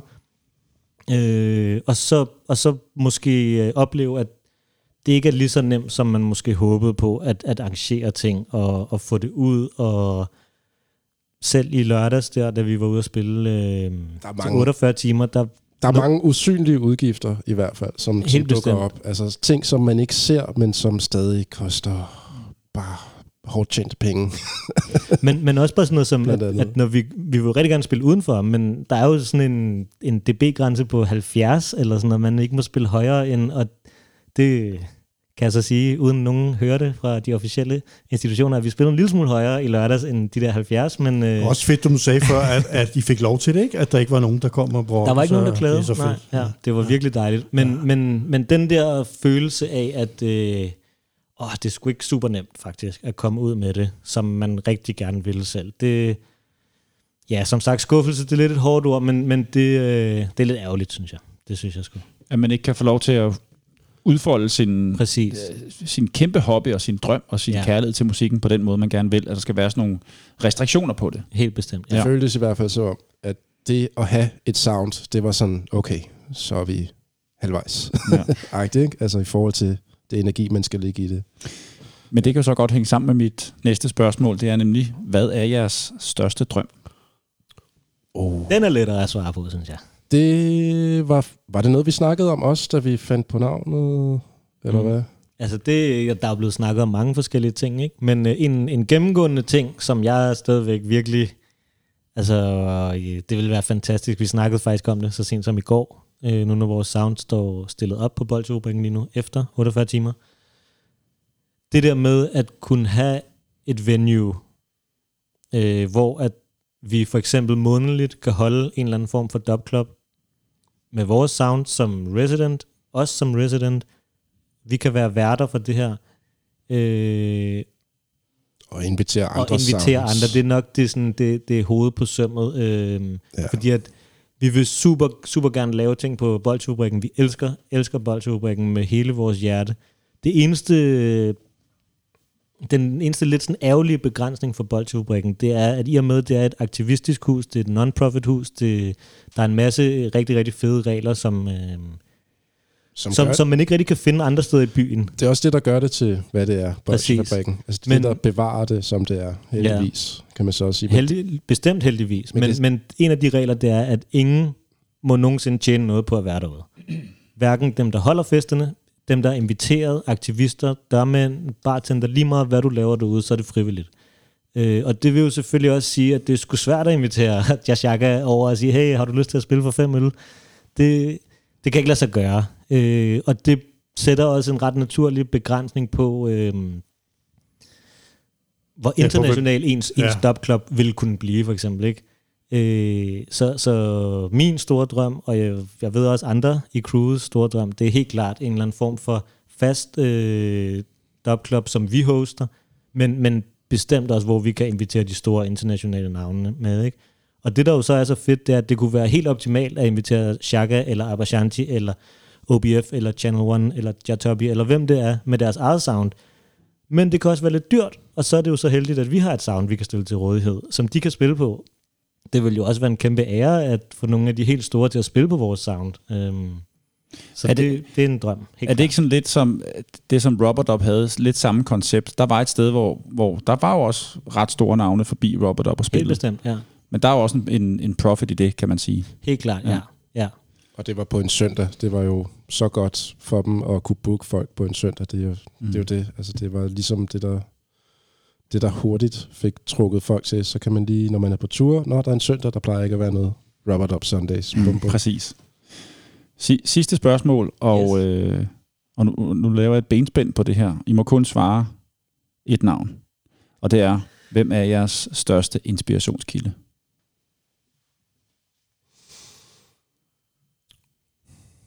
Og vi må slet vi må ikke spørge ind, eller... Ja, nu snakkede vi om ja. helte før, ikke? Altså, ja. og du nævnte Mike Manden fra, øh, var det fra Iration? Iration Steppers. Ja. Men, men altså en, en, en person eller et sound, som I, som I virkelig tænker, tænker højt om, og det, det er, hvis vi kunne nå der til en dag, så kunne det være, så kunne Ma- det være godt. Masai Warrior. Masai Warrior Sound System. Men det er min personlige, fordi Ja. de bare har en, altså, de har en energi, hvis, der, er- hvis det er muligt, så er den endnu vildere end Iration Steppers energi. Jeg ved ikke, om det er svært, det er næsten svært at sige, men det, det er for vildt, altså det de har gang i. Er de fra Øh, England også? De er også fra ja. England. Med Ben Masai, er det ikke, den hedder? Øh, deres jo, micman. ja, det, er- jo jeg, jeg har ikke helt styr på de der, det, er, men den ene af dem er der, som der er Up, ikke? Og Up, Ja. som også er deres producer. Jeg synes, at altså, de har bare en lyd, der er, den er benhård. Og det, det, det, det, det, der tiltrækker mig meget. Jeg kan elsker også Roots og sådan noget der, men det er helt benhårde øh, sidste tune, når lyset er tændt. Det er virkelig noget, jeg godt kan lide. og der er Masai Warrior, de er... Ja, det er for vildt. Ja, så er det jo mig, kan jeg næsten forstå på det hele. øhm, Stigrosten. Ja. Nej, hvad hedder det? Også lidt som jeg sagde før, det, jeg har altid virkelig svært ved sådan nogle her spørgsmål, og nu skal jeg ud i en anden lang søforklaring på, hvorfor jeg ikke kan sige en, men, øhm, men det her med at, at følge en bestemt gruppe, eller en bestemt sanger, eller en best, altså sådan gennem hele en form for karriere, det har jeg ikke gjort mig super meget i.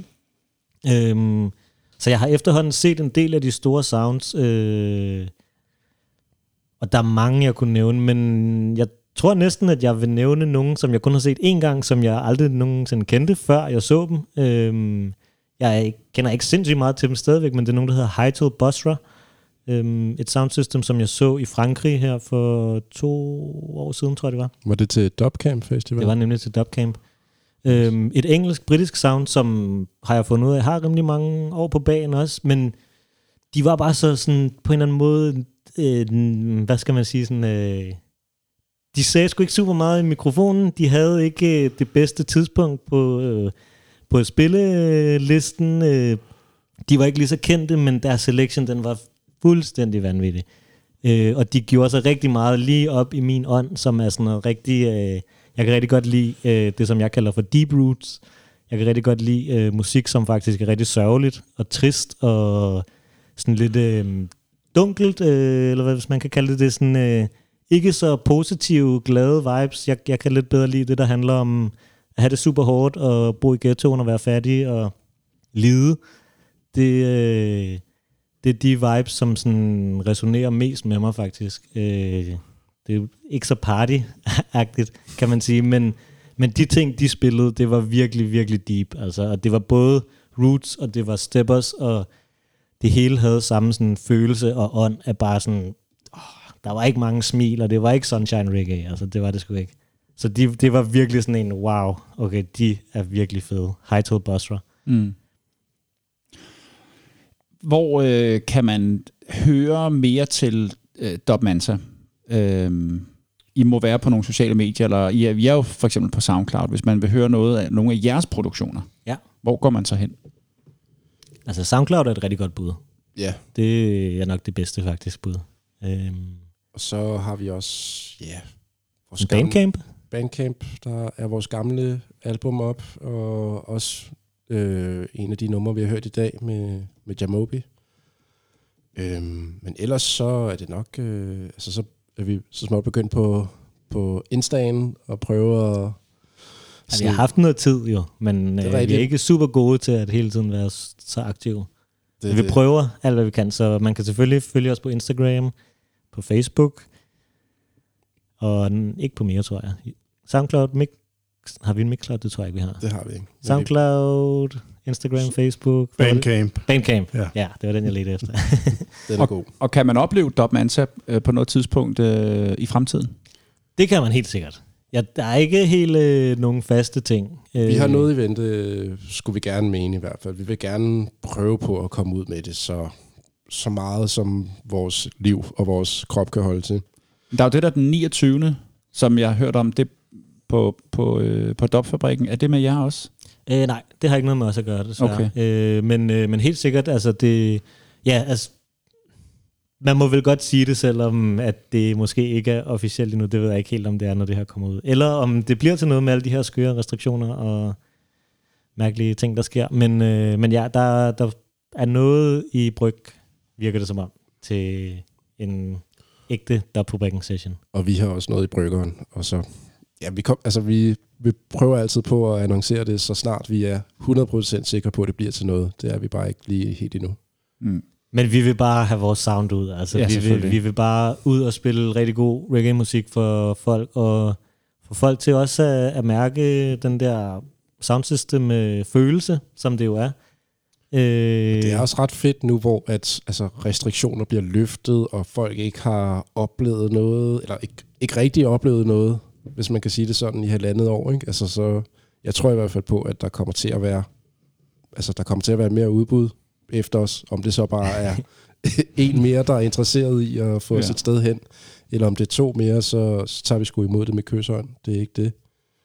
Øhm, men jeg, jeg er rimelig overbevist om, at øh, der kommer til at, at ske noget mere. Det kunne jeg i hvert fald mærke der til 48 timers festival, at altså, folk er så, er så klar på, at der, der sker noget. Mm. Og det kan selvfølgelig også være, fordi at der ikke har været noget som helst larm i halvandet år fra naboer. Og jeg håber, at folk ude i fremtiden vil tilgive os, hvis vi ødelægger deres, øh, deres eftermiddags søvn. Men øh, Det kan også være, at I beriger dem. Det, det tror jeg mere. det er i hvert fald positive vibrationer, det skal I vide, folk ude i fremtiden. Lad det være det sidste ord. Vi kom i mål. Yes. Øh, det var i hvert fald, hvad vi nåede i den her omgang. Jeg vil gerne sige tusind tak til Marla og Chancho fra Dub Mansa Sound System for at være med i dag. Det har været en kæmpe fornøjelse at høre jeres historie, lære jer at kende, og jeg glæder mig til øh, at komme ud og høre jer på et eller andet tidspunkt. Vi glæder os også til at se jer foran vores stack. Jamen, Jamen, vi, vi står der Ja, helt sikkert. det- Skal vi, skal vi ørepropper med? nej, nej, nej, nej. Det, Nej, det vi, behøver man faktisk ikke. Vi Nå, okay. spiller ikke uh, UK højt. Nå, okay. Det er menneskeligt. Ell- ellers så skal du bare gå ned i knæ, så kan du kun mærke bassen, så kan du ikke høre toppen så meget. Okay. Vi tager, vi tager alle gode råd med. Fedt. I kan følge os på Instagram på fra Kingston til København. Der lægger vi også billeder op fra dagens øh, session selvfølgelig. Og øh, vi udkommer på Facebook, og det gør vi også på Apple Podcast, Spotify, Google Podcast og på vores hjemmeside fra Kingston til København. Det gør vi hver mandag. Og øh, tak til øh, Jonas Bæk for at lægge i pipeline. Tak for nu alle sammen. Tak til alle, der er lytter med, og tak fordi I lytter og støtter os. Husk at sprede ordet om vores podcast, så vi kan komme ud til endnu flere lyttere. Vi høres ved i næste afsnit af Fra Kingston til København på genhør, og husk, at reggae skal ud til folket.